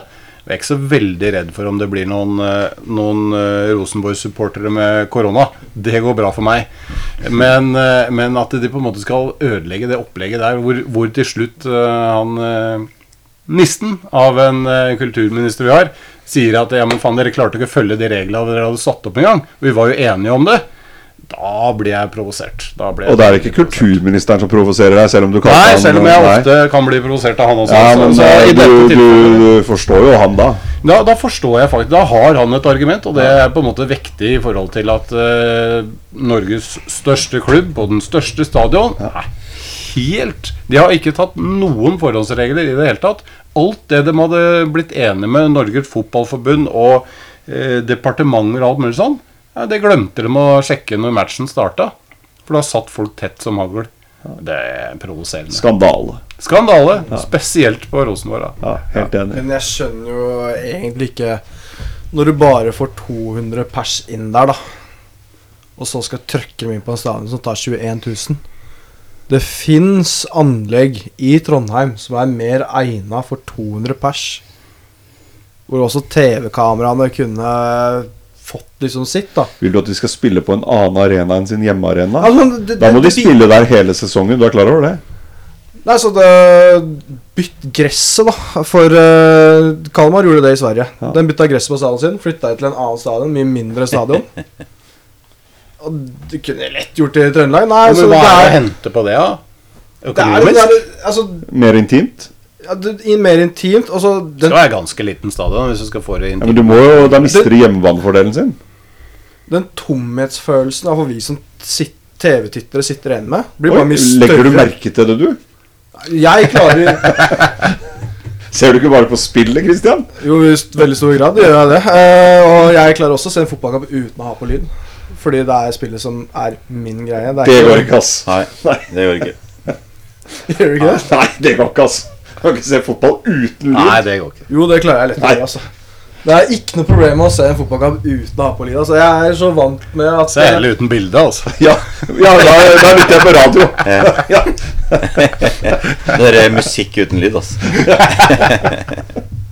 Faen, dere burde være på konsert, dere gutta. Altså, det er lyd og mennesker dere er interessert i. Dra og se en jævla Nei, det konsert. viser deg det. Neste, neste podkast handler om noe helt annet. Det blir ikke fotball, da. Neste lytterspørsmål, eller eh, føler du det deg jeg vil si at alle eller ingen. Er vi, liksom, det var jo store debatten rundt det her. Ja, alle eller ingen. Jeg syns at de måten de fleste klubbene har løst det på, med 200 pers, er ok, altså. Ja, Jeg var veldig på ingen. Jeg, Og da, å, jeg han hadde ligget opp på internett, men eh, mm, det ble jo nå. Men jeg tror, jeg syns det er helt ok. Jeg synes, uh, Det merker jo at det er rart, men uh, likevel på TV-sendingene Det høres De 200 menneskene som har vært til stede på stadion, Har gjort mer eh, lyd ut, lyd, gitt mer lyd fra seg enn det jeg hadde sett for meg. Ja. Det er kjipt for de 75 på Strømmen stadion ikke kunne komme inn, da, for ringene der er jo alle. Det er sant. Ja. Ja, men jeg hadde Christian fra Kløfta drar jo mast på jobben her i dag. For vi har jo sesongkort ved siden av hverandre på Jessheim stadion. Uten at noen av oss egentlig har noe forhold til uh, Ullskissa. Men uh, han var veldig på den at Når, når, når, når starter det? Når starter det? 4. juli. Ja, det, det, Slipp inn, slipp inn. det er sikkert ikke eh, så mange som 200 sesongkort eh, innover her er borte på Jessheim. det. Så det er, Hvis du ikke blir trukket ut der, da er, da det uflaks. Det er noe muffens, ass. Det verste er jo at eh, Da har de, de hørt på podkasten og skjønt at du ikke har noe forhold til drittklubben. den billettansvarlig i klubben svarte ikke på de to eller tre mailene jeg sendte for å be om sesongkort. Så jeg måtte gå via Andreas Olby. Så jeg veit jo ikke om det er registrert hos han som da sitter og skal trekke fra regnet. det er billettansvarlig som trekker ut det greiene her, da. Så der er det, det er, der er det ni frivillige, sju sponsorer og to som har kjøpt sesong. Billettansvarlig på Jessheim stadion må komme seg på jobb. Men hvis vi skal skryte av Ulstein fotball Vi snakka om Start. Det er en klubb drifta av folk som ikke kan fotballen. Ullkissa, der er fotballfolk som spiller. Andreas Aalbu tar jo over som daglig leder når Katte Strømberg gir seg. Og han som tar over for Andreas Aalbu, det er Christian Aas, kaptein i klubben. Så det er fotballfolk som skal sitte og drifte klubben videre. Det, det spørs jo hvordan det går sånn utenom det fotballen, men eh, jeg synes Økonomisk det så er går det gærent. men eh, det er jo to personer som har eh, tatt utdannelse ved siden av, som tilsier at den skal sitte og gjøre den jobben den er satt til å gjøre. Det, så jeg tror på det. Uansett hvordan du vrir og vender på det, så vil alltid Ullkisa være en breddeklubb. Vi går videre til neste spørsmål. Hvorfor skal 800 personer få lov til å se Premier League på storskjerm med øl, når folk som vil se eller spille norsk ball, ikke får lov til å gjøre det før 1.9.? Nå har jo det heldigvis blitt endra, da. Men Ja, det er det godt blitt endret. Nei, altså Hvorfor skal det være fyllefest på Kontraskjæret med fotballkamp på storskjerm når du ikke kan se det live på stadion Ja, hvorfor? uten alkohol? Hvorfor? Nei, jeg aner ikke. Ingen god grunn. Det er- ja, det viste seg det var jo ikke noen god grunn heller, og derfor så ble det gjort om på. Og det Grunnen til at de fikk det godkjent i første omgang, var at de sa at dette er ikke et arrangement, det er bare en uteservering. Som tilfeldigvis har Premier League-fotball på storskjerm. Og så, øh, når folk fikk tenkt seg om, så skjønte de at ja, men det er bare tull. Det er jo et arrangement. Selvfølgelig er det et arrangement. De har jo sagt at det begynner da og da. Da er det match. Og, Og det heter er så- fotballfesten. Ja, ikke sant. Og det er, og det, men det er typisk sånn derre partyfikser-folk eh, som har Eventbyrå. For, ja, eventbyrå. Og det er du glad i, så jeg. Fæle folk. Fæle folk. Hadde vi hatt eh, bilde på podkasten, så Ja, det hadde du sett at Lars ble gråere i håret akkurat nå. Ja, det skal godt gjøres å bli enda gråere. Men eh, nei, det, det syns jeg ikke noe om. Og det er, så veldig, det er bra spørsmål, og det er veldig bra at det ikke blei noe av. For at det, det er ikke fair i forhold til eh, Vi har fotball her hjemme som spilles på stadion, og vi har store stadioner. Kunne tatt inn flere folk enn 200 òg, syns mange. Eh, meg selv inklusive. Og så skal de få et eh, godkjent det. Det hadde ikke vært greit. Det kunne vært litt lokalt eh, forvalta, det der i forhold til hvor stor stadion du har. Eh, og så kunne man jobba litt i forhold til smittevernet og sette an eh, Altså 75 på Strømmen stadion er fint i forhold til de forholdene som er der. Så kunne man gjort det helt annerledes eh, på Lerkendal, hvor det er mye bedre plass, og kunne ha løst smittevernmessig på en annen måte. Det hadde gått, det hadde gått kjempefint. Men Ja, eh, det, det hadde gått bra sånn stadionmessig, men, men eh, vi er tilbake til kollektiv til og fra. Det har jo noe med det å gjøre, antagelig. Eh, men så så vi jo nå danskene, Brønnby FCK i går eller forrige eller når det var. 3000 mennesker på stadion. Bare, Bare hjemmesupportere. Bare hjemmesupportere, riktignok. Eh, det har sikkert noe med bråk å gjøre også, i de Det, det, er, det er samme by, så det Ja, ikke sant? Men, Men det- men det, det ble jo en kjempesuksess, visstnok. Eh, og massiv stemning på stadion ifølge rapportene. Så det er jo kult, da. Og danskene er jo hakket foran oss i oppmykning av samfunnet etter korona, så la oss håpe at De var hakket foran oss i nedstengning, altså, Ja. men det er helt greit. Men det var AGF Århus da, som uh, mente at de lett kunne klare å opprettholde smittevernreglene med 5000 på tribunen. Og det skulle gå kjempefint. Så jeg tror Rosenborg for eksempel, de klarer det. Ja, Den klarte Ja, ikke 200, da. Men igjen, skal de 75 på Strømmen sånn pisse på samme do, da? Da kanskje bare er 25 som kommer inn, da. Ta med en pose, da. Men jeg sier ja, da, til fotballfest på Kontorskjæret med 800 mennesker. Så sant de viser norsk fotball. Kongsvinger Jerv. Ja, hvis du klarer å samle 800 til det, så kjør på. Enig. Ja, kjør på. Mm. Eh, Marius, da, som stilte dette spørsmålet, har også en eh, delspørsmål til. Eh, noe av det har vi jo snakket om, men det står Diskuter også det høye målsnittet fra de første rundene i Eliteserien. Hvilket lag har overraska så langt? Det med overraske så langt, det trenger vi ikke å snakke Ja, det om. Det har vi dekka ganske greit. Eh, høyt målsnitt de første rundene. Det var vel et eh, normalt i første serierunde, vil jeg si. Ja. Eh, og så tok det litt av nå i runde to med en 2-2 2-2-kamp i Sandefjord som heller ikke drar ned snittet, selvsagt. Men så har vi jo de 6-1 og 7-2-kampene vi har diskutert tidligere. Eh, er det tegn på Det er sånn evig norsk, da. Er det, er, det er vel forsvarsspillet som er dårlig. Ja, det er alltid i norsk fotball. Ja. Eh, Det er alltid det som kommer ut i media, i hvert fall. Ja. Det er aldri spesielt bra angrepsspill. Det er dårlig, dårlig angrepsspill. Ja, for det er jo en vedtatt sannhet eh, i norsk fotball at uh, når, altså, det er, Men problemet med det som jeg skal si nå, er jo at trenere og spillere sier det så mye selv også at uh, at de har problemer med å spille mot etablert forsvar. Det er noe av det vanskeligste som er. Også når de går og sier det hele tiden, både trenere og spillere, så, så blir det sånn til slutt, da. Men uh, da bør vi lære av svenskene, for i Sverige i fjor så var det en trend da en del av lagene, Hammarby f.eks., uh, som bevisst spilte på seg balltap for å få andre lag til å omstille fra forsvar til angrep, og bryte dem og ta dem da i ubalanse. Fordi de, Det, men av og til så ser det jo ut da når norske lag kjører oppspillene sine, at det er nesten det det, er, det er det vi prøver på. Ja, Ja. det, endelig har vi skjønt det.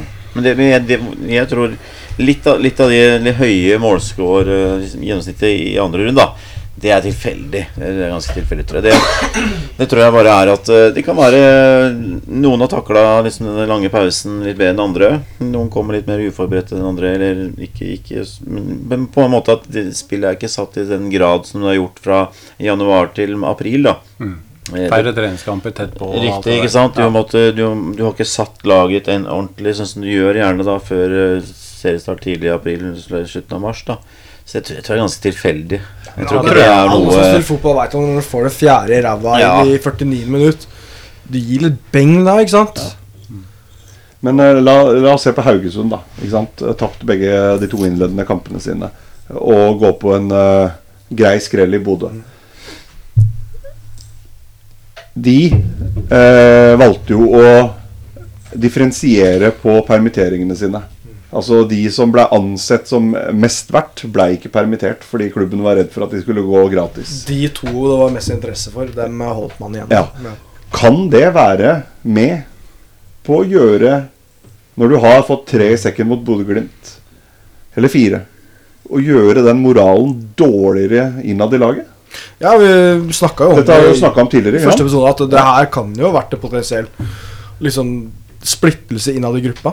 Og når de da ikke er en enhet, og det tydeligvis er litt sånn Alle spiller for seg selv, Uh, så kan det jo være at det er lettere for å gi faen da når uh, du får den fjerde, femte i sekken. Men uh, hvis du så det intervjuet med Niklas Sandberg etter kampen, så du det? Absolutt. Det var Det eh, nydelig helt, helt fantastisk. klarer jo at eh, Nei, det her var dårlig. Å slippe inn seks mot uh, Bodø-Glimt. Heldigvis skal vi til Kristiansund neste runde. Altså. Da skal vi opp i ringa. ja, Får beskjed om at den skåra syv i dag. Bare å, faen. det, er, det er vakkert. Han mister jo, altså, han mister jo munn og mele. Han blir jo stående og måpe. Men- eh, journalisten sa det. Men hvem har du helst? eh, 89. minutt. Det er 1-1. Du får straffe. Er det Niklas Sandberg eller Tommy Høiland du sender opp da? Ja, det er tydeligvis Niklas Sandberg. Har du sett har du sett i straffe? Liksom? Har du sett håret hans?! Det var nydelig. Nei, det var. Så en som ikke har hår, så syns jeg det var nydelig. Nei, det var det ikke. Altså, han spiller jo med sånn Grorudpalme. Det er jo Ja, men når han hadde det, det nei. Hallo. Nei. Nei. Hallo! Han hadde jo på 80-90-tallet passa perfekt i Baywatch. Det Ja, ja. Ja, ja, men allikevel. Ja. Det er tilbake igjen, vet du. 80-tallet er Det tilbake. er deilig. vet du. Det er deilig. Ja, det var deilig, faktisk. Det Må var vi det der. slutte opp, da. Det trengte vi. Ja. Vi trengte det. Altså, da etterpå Fantastisk Panenka rett til kipperne, og det er så flaut. vet du. Det er så dårlig at det, Du kommer faktisk ikke inn som innbytter og gjør en sånn straffe. Det er, det er ikke lov. Nei, det er faktisk ikke lov. Men altså, grei Uansett, det er, det er, det er ikke noe motsvar på det. var egentlig sånn Panenka, originalen, genialt. Ikke sant? jo. Og det er liksom Men hvor ofte har du sittet med altså, Pirlo mot England i EM? Ja, ikke sant, det var cheeky, det var det, men Bortsett fra Sebastian Abrød, da, for uh, Uruguay eh, Uruguay ja. og så. Dusin på vis med klubber Ja, ja. rundt omkring i Sør-Amerika. Altså, han gjorde det med en eleganse. Ja, Han andre, det ser bare dust ut. Det er bare ah. det ser så dumt ut. Det er Altså, så det er, men, Nei, Panenka får det vekk. Martin Et av Andresen Så da, da Niklas Sandberg banken inn i hjørnet. Et av mitt uh, absolutt største høydepunkt som fotballsupporter og Lillesund-supporter, det er i Jeg husker Jeg tror det kan være ca. 2001. Ja. Stabæk-Lillestrøm. Dagen før så går Martin Andresen ut i avisa og forteller at han er Vålerenga-supporter, og hvor mye han hater Lillestrøm. Så får de straffe. Og så kjører han en Panenka. Og Per Magne Misund eh, har valgt å bli stående, så han får jo bare ballen rett i fanget. altså, det var en jubel på Åråsen som ja, altså Det var jo sånn sjelden eufori. da Det gledelige øyeblikket det skjedde, og alle holdt på å le seg i hjel. Det deilig, Altså, det var jo så ydmykende for Martin Andresen. Sånn er og da at skal var det jo- en sann glede. Men Du skal vil takke for at vi har sånne som Martin Andresen, og som går ut og gjør akkurat det. Ja, ja, skaper ja, akkurat det greiene her. Er fantastisk. Men du Ja. vet at uh, Per han, Misund bevega seg ikke, for han er jo verdens mest hjulbeinte person. Han Det er kommer seg jo ikke ja. rundt. Husker han var uh, Lørenskog hadde Det ble det mye sutring da en periode på 2000-tallet, og at Lillestrøm var sånn var ikke så godt likt blant romersklubbene, så de gikk jo inn. Ikke sant? Åkrene ble plutselig liksom eh, sponsor for liksom alle klubber rundt omkring på Romerike, bl.a. Lørenskog. Og da var det sånn samarbeid, bl.a. når de henta Kristoffer Tokstad og Alper Gøkse. Eh, Lillestrøm henta dem fra Lørenskog, og da skulle de inn som en sponsorklubb. Den lånte dem tilbake igjen uten kostnader. Og så fikk man Per Mang Misund, som var keepertrener på Lørenskog. Og Jeg husker han eneste jeg så tenkte på, var Den mannen er hjulbeint. Han gjort. Ja, I Rælingen fotballklubb så er det jo en årlig pris hvert år, fortsatt sjukt nok, som heter Årets Misund. Og det er den som har blitt slått mest luke på i løpet av det. Ja, ja. Og det er helt fantastisk at de hedrer mannen på den måten der. Ja, det er nydelig. Det er helt nydelig. Vi er i ferd med å runde av programmet, men vi må jo ta del to av eh, vår eh, quiz, eh, som eh, Jævla øl. Eh, vår eminente lagkaptein eh, Lars Eilertsen skal få lov til å ta. Det er en spillebuss, har han lovt. Og Ja. det vil da si at han kommer med fem faktaopplysninger, hvorav Mm. den første er fryktelig vanskelig. Og så skårer du fem poeng på den, og så, vi, og så går det nedover, da. Eh, og da er det jo da er det jo vi som eh, Og dere der hjemme, da, som eh, må skrive ned eh, når man tror man har det rette svaret, og legge fra seg skrivesakene når man har skrevet på det poenget man er på. Mm. Eh, Lars Eilertsen, eh, vær så god. Takk. Takk. Eh, ja, da eh, kjører vi egentlig bare eh, rett på. Eh, og først er jo da for fem poeng. Er dere klare? Tar du rim, eller går det Nei, det kommer ikke rim. Det er mulig det kommer litt dialekt, men uh, Oi. utover det så eh, blir det ikke rim. Det er uh, Elsebutangen sitt eh, gebet. Kommer neste gang. Ja, det er bra. Vi gleder oss. Ok, for fem poeng. Grunnlagt 19.6.1906 og var gjennom en sammenslåing med naboklubb på 90-tallet. Hvis det bare lyser opp nå, så blir jeg imponert. Jeg blir jo det. Ja, helt umulig å ta noe Den, eh, For lyst, for lyst, men Altså, du må, må da gitt oss litt mer, da. Ja. Det var ikke meninga noen skulle ta det på fem poeng. Ok, da eh, går vi videre til fire poeng hvis, dere ikke, hvis jeg ikke ser noen lyse hoder her. Det gjør jeg ikke. Eh, Norgesmestere i 1918 og holder til i Viken fylke. Den, er, den blir for dum. den er ikke like Eller som du ville sagt eh, selv, da. Norgesmestere i 1918 holder til i Viken fylke.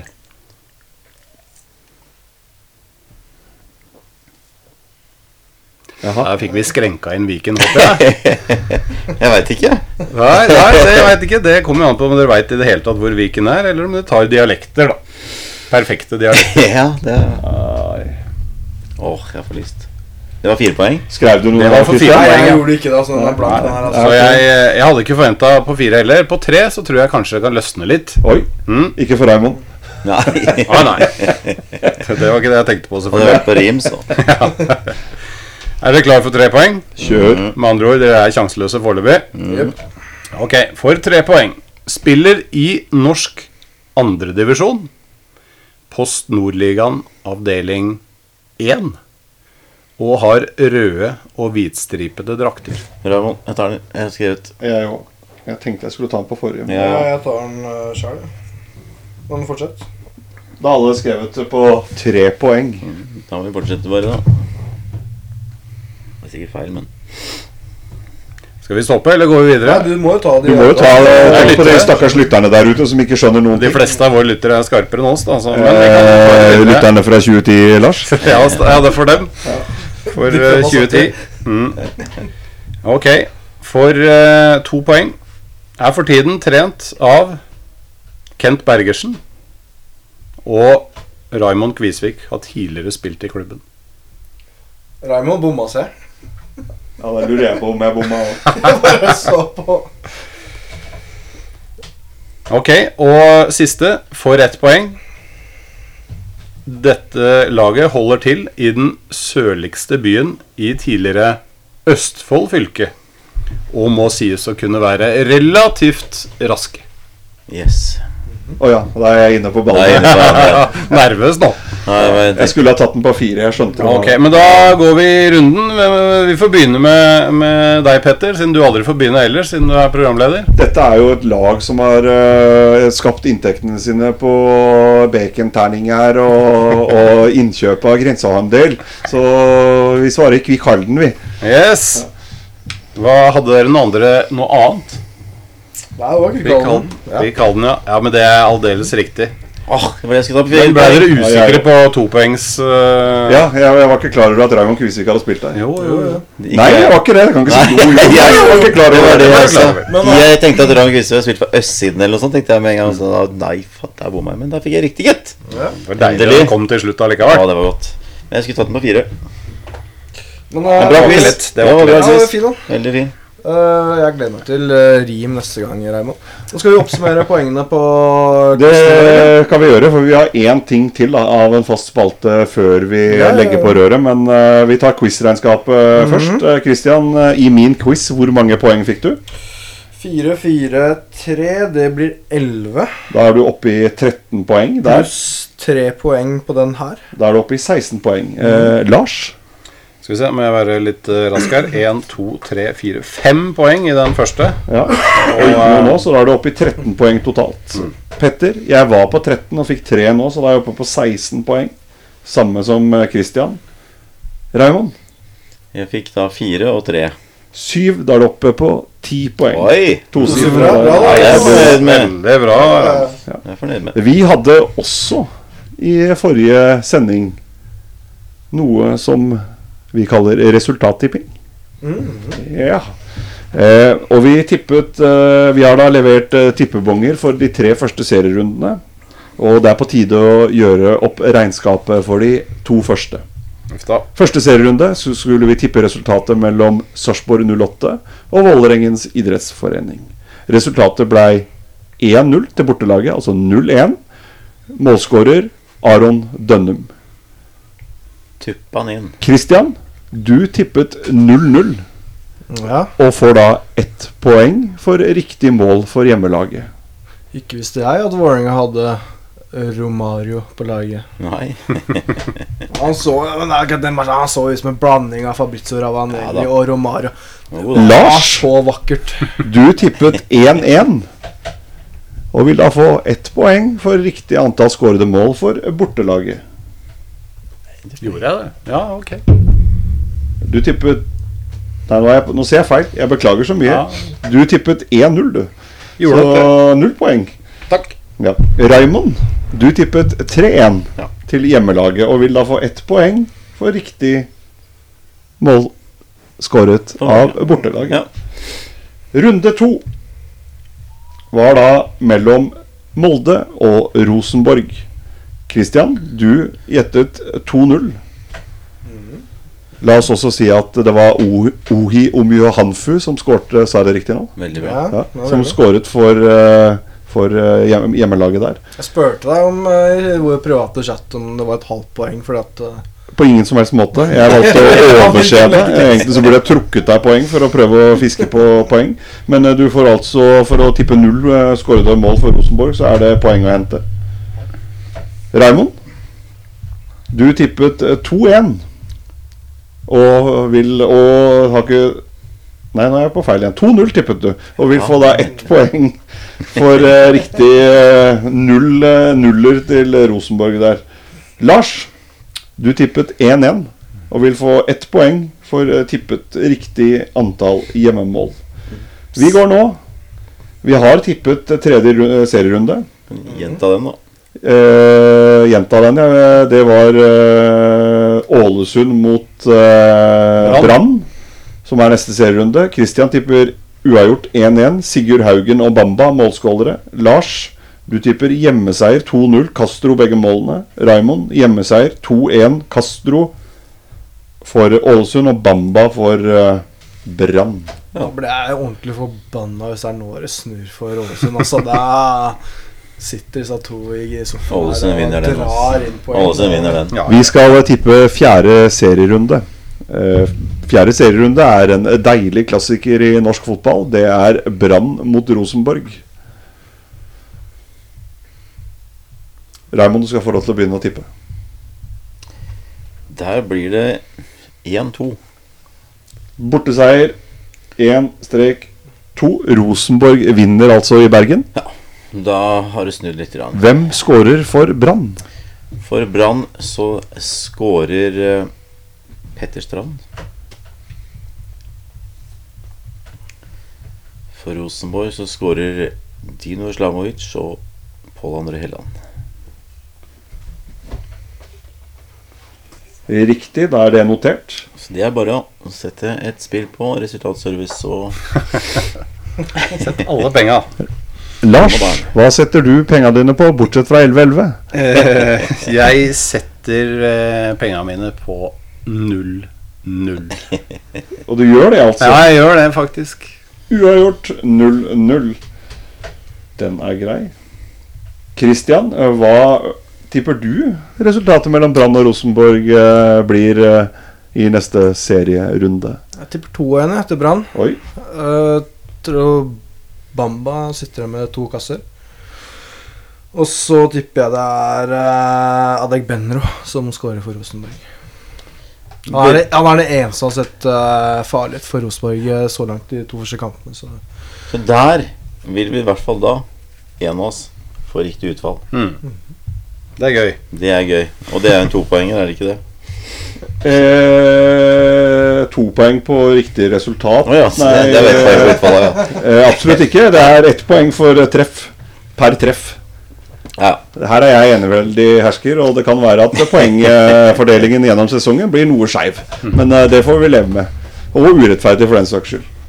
Vi er eh, med, min, jeg med mindre, ja. Ja. Noen av altså. Jeg paneldeltakerne si er i eh, La meg få lov å fortsette. Eh, med mindre noen av paneldeltakerne i podkasten min har lyst til å si noe, så er vi ved veis ende. Men Raymond har ytret Jeg ønske. si Jeg har jo Viking, Mjøndalen, Sarpsborg Hva er dette for noe? Altså, La oss avslutte dette før han kommer igjen. Start! Sandefjord! Skal vi snakke om neste serierunde? Å nei, vi skal snakke om alle kampene som har vært spilt. Vi kan ikke gjøre det, Christian. Nå har vi sittet her i to timer. Altså, all den analysen du gjør Du må få deg en egen analysepodkast, Altså. Vi har jo gått igjen Vi snakka jo om kampene spilt for to timer siden. Jeg vil bare, jeg vil bare fortelle om Noen der sidekick-podkastserie Det er bare Ja. kjør på med fjaset deres, dere. Oi, vi er der. Tilskuere og sånn. Kultur og lyd og sånn. Lyd og folk!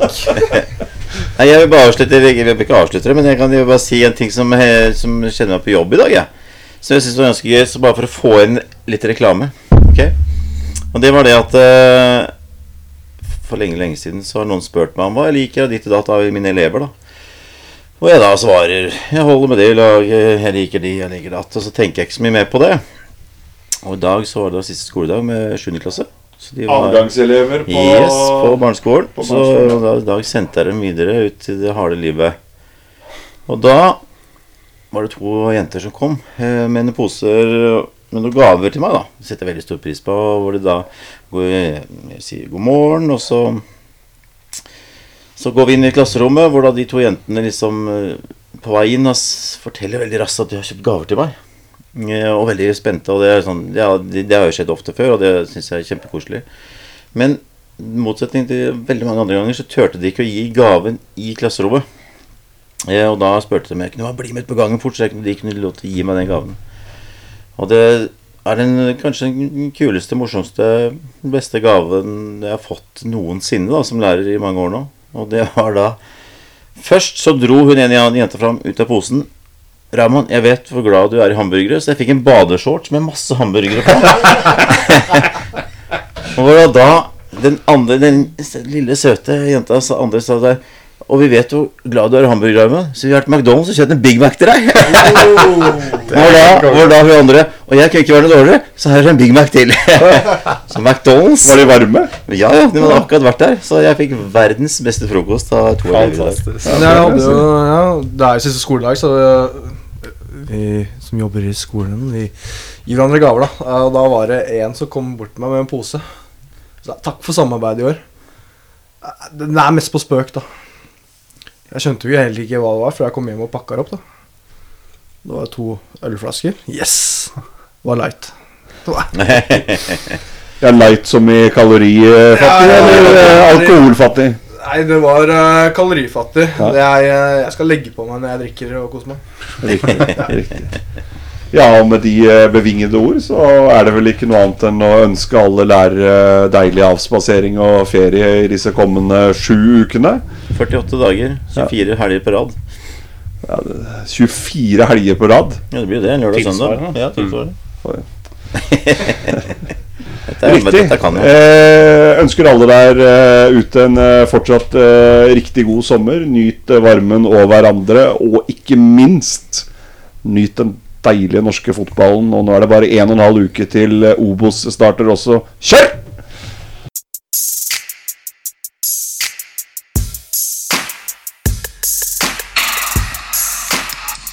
You wanted to hang myself or? No.